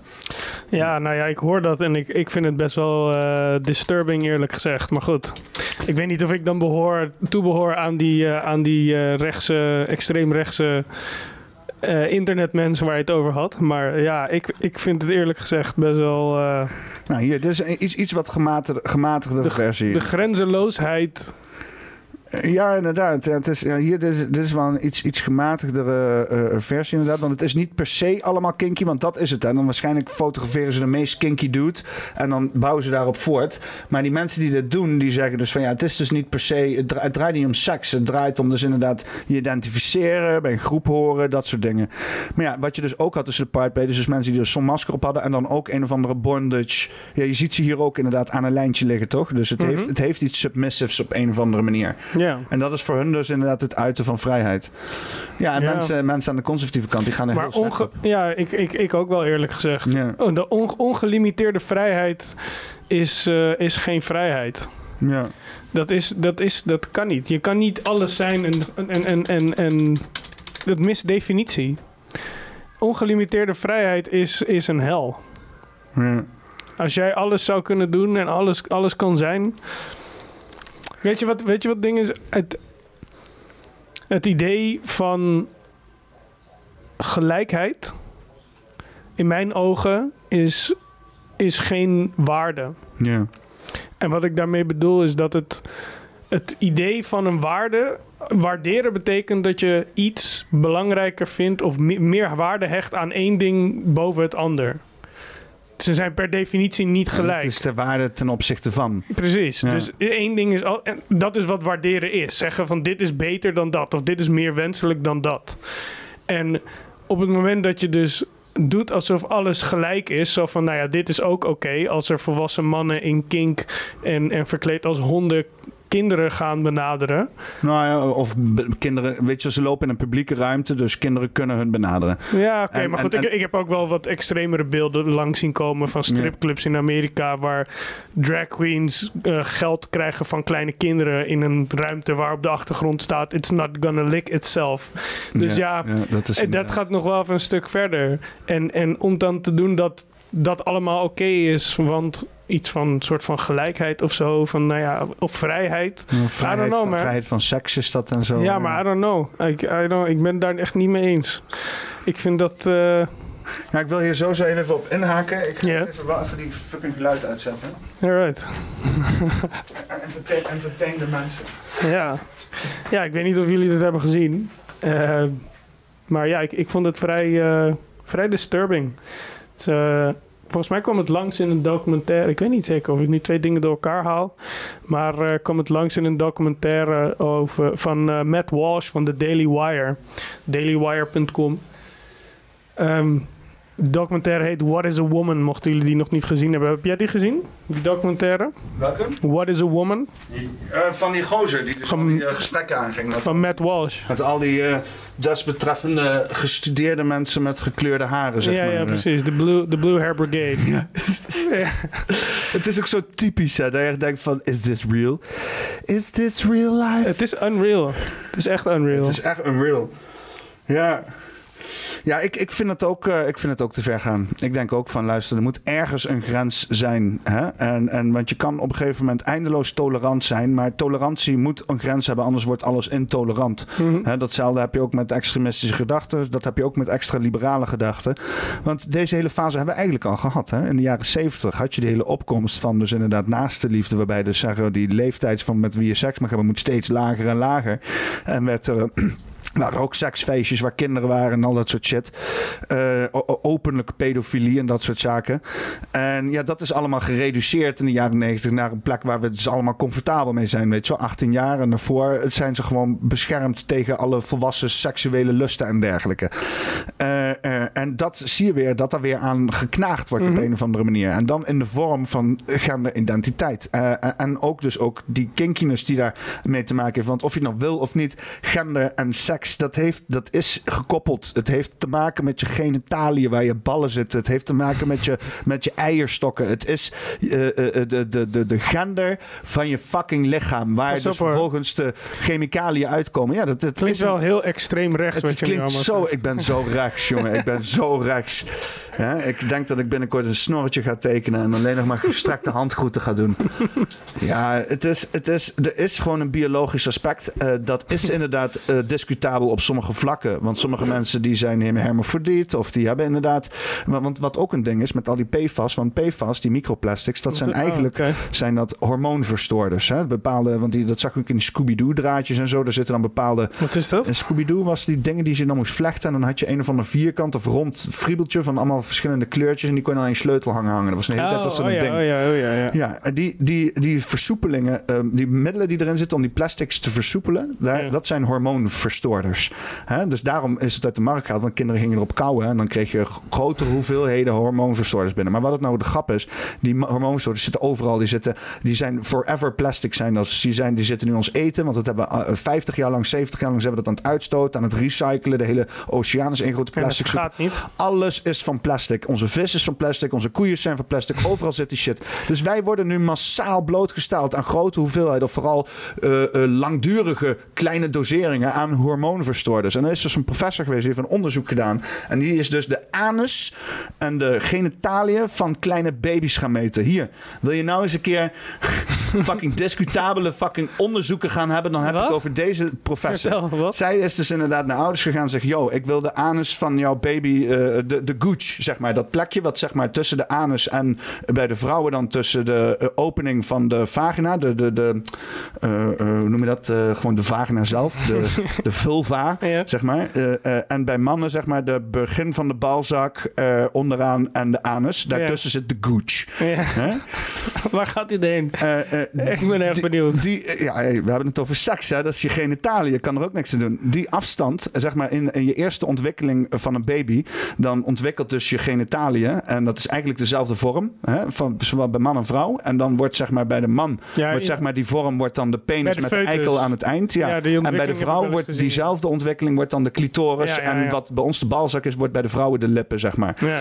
Eh, eh, eh, en die progressie en hoe ver gevorderd die stadium is, dat laat zich zien in de afstand van de anus tot aan dus die bo- boven- bovenkant van de balzak of de ehm, Begin van de vulva. het begin van de vulva. Ja. Hoe groter die afstand is, hoe verder je ontwikkeld bent in je seks. Maar er zijn dus nu in haar onderzoek heel veel baby's geboren met een kleinere gooch, die dus inderdaad volgroeid zijn, maar niet hun hele seksontwikkeling door zijn ge- gemaakt. Hens hormoonverstoorders waar wij constant aan bloot worden gesteld. Hens allemaal mensen met identiteitsproblemen. Dat is een beetje het hele verhaal. Dat is zijn theorie. Dat is, dat is, zij heeft het onderzoek daar Zij. ge- ge- ge- gepresenteerd. En ik dacht van, nou, hè, we zijn dus allemaal gender eh, verward door fucking microplastics. Dat is de ding. Hm. Interesting. Ja. Nog niet eerder van gehoord. Nee. Ik heb ook helemaal geen namen van onderzoeken en shit en zo. Dus dit moet je volledig op wat ik nu verteld heb gaan terugzoeken. Want ik weet ook niet meer waar ik dit gezien heb. Zo'n filmpje op Telegram kwam voorbij. Ja, maar goed, het stond niet in de NRC en het was niet op NOS, dus dat is niet waar. Eh, eh, nee, ja. Nou, eh, weet je, ik wil jullie wat huiswerk meegeven. Ga je Gooch meten? Geef die, eh, geef die uitslagen allemaal door in Club Allehoed. En dan kijken we hoe genderverward ben jij bent. Als het klopt dat als jij genderverward bent, of eh, genderfluïde, eh, zoals ze dat dan noemen, dan, hè, dat is wat vriendelijker. Als jij je behoorlijk genderfluïde voelt en je hebt een kleine Gooch.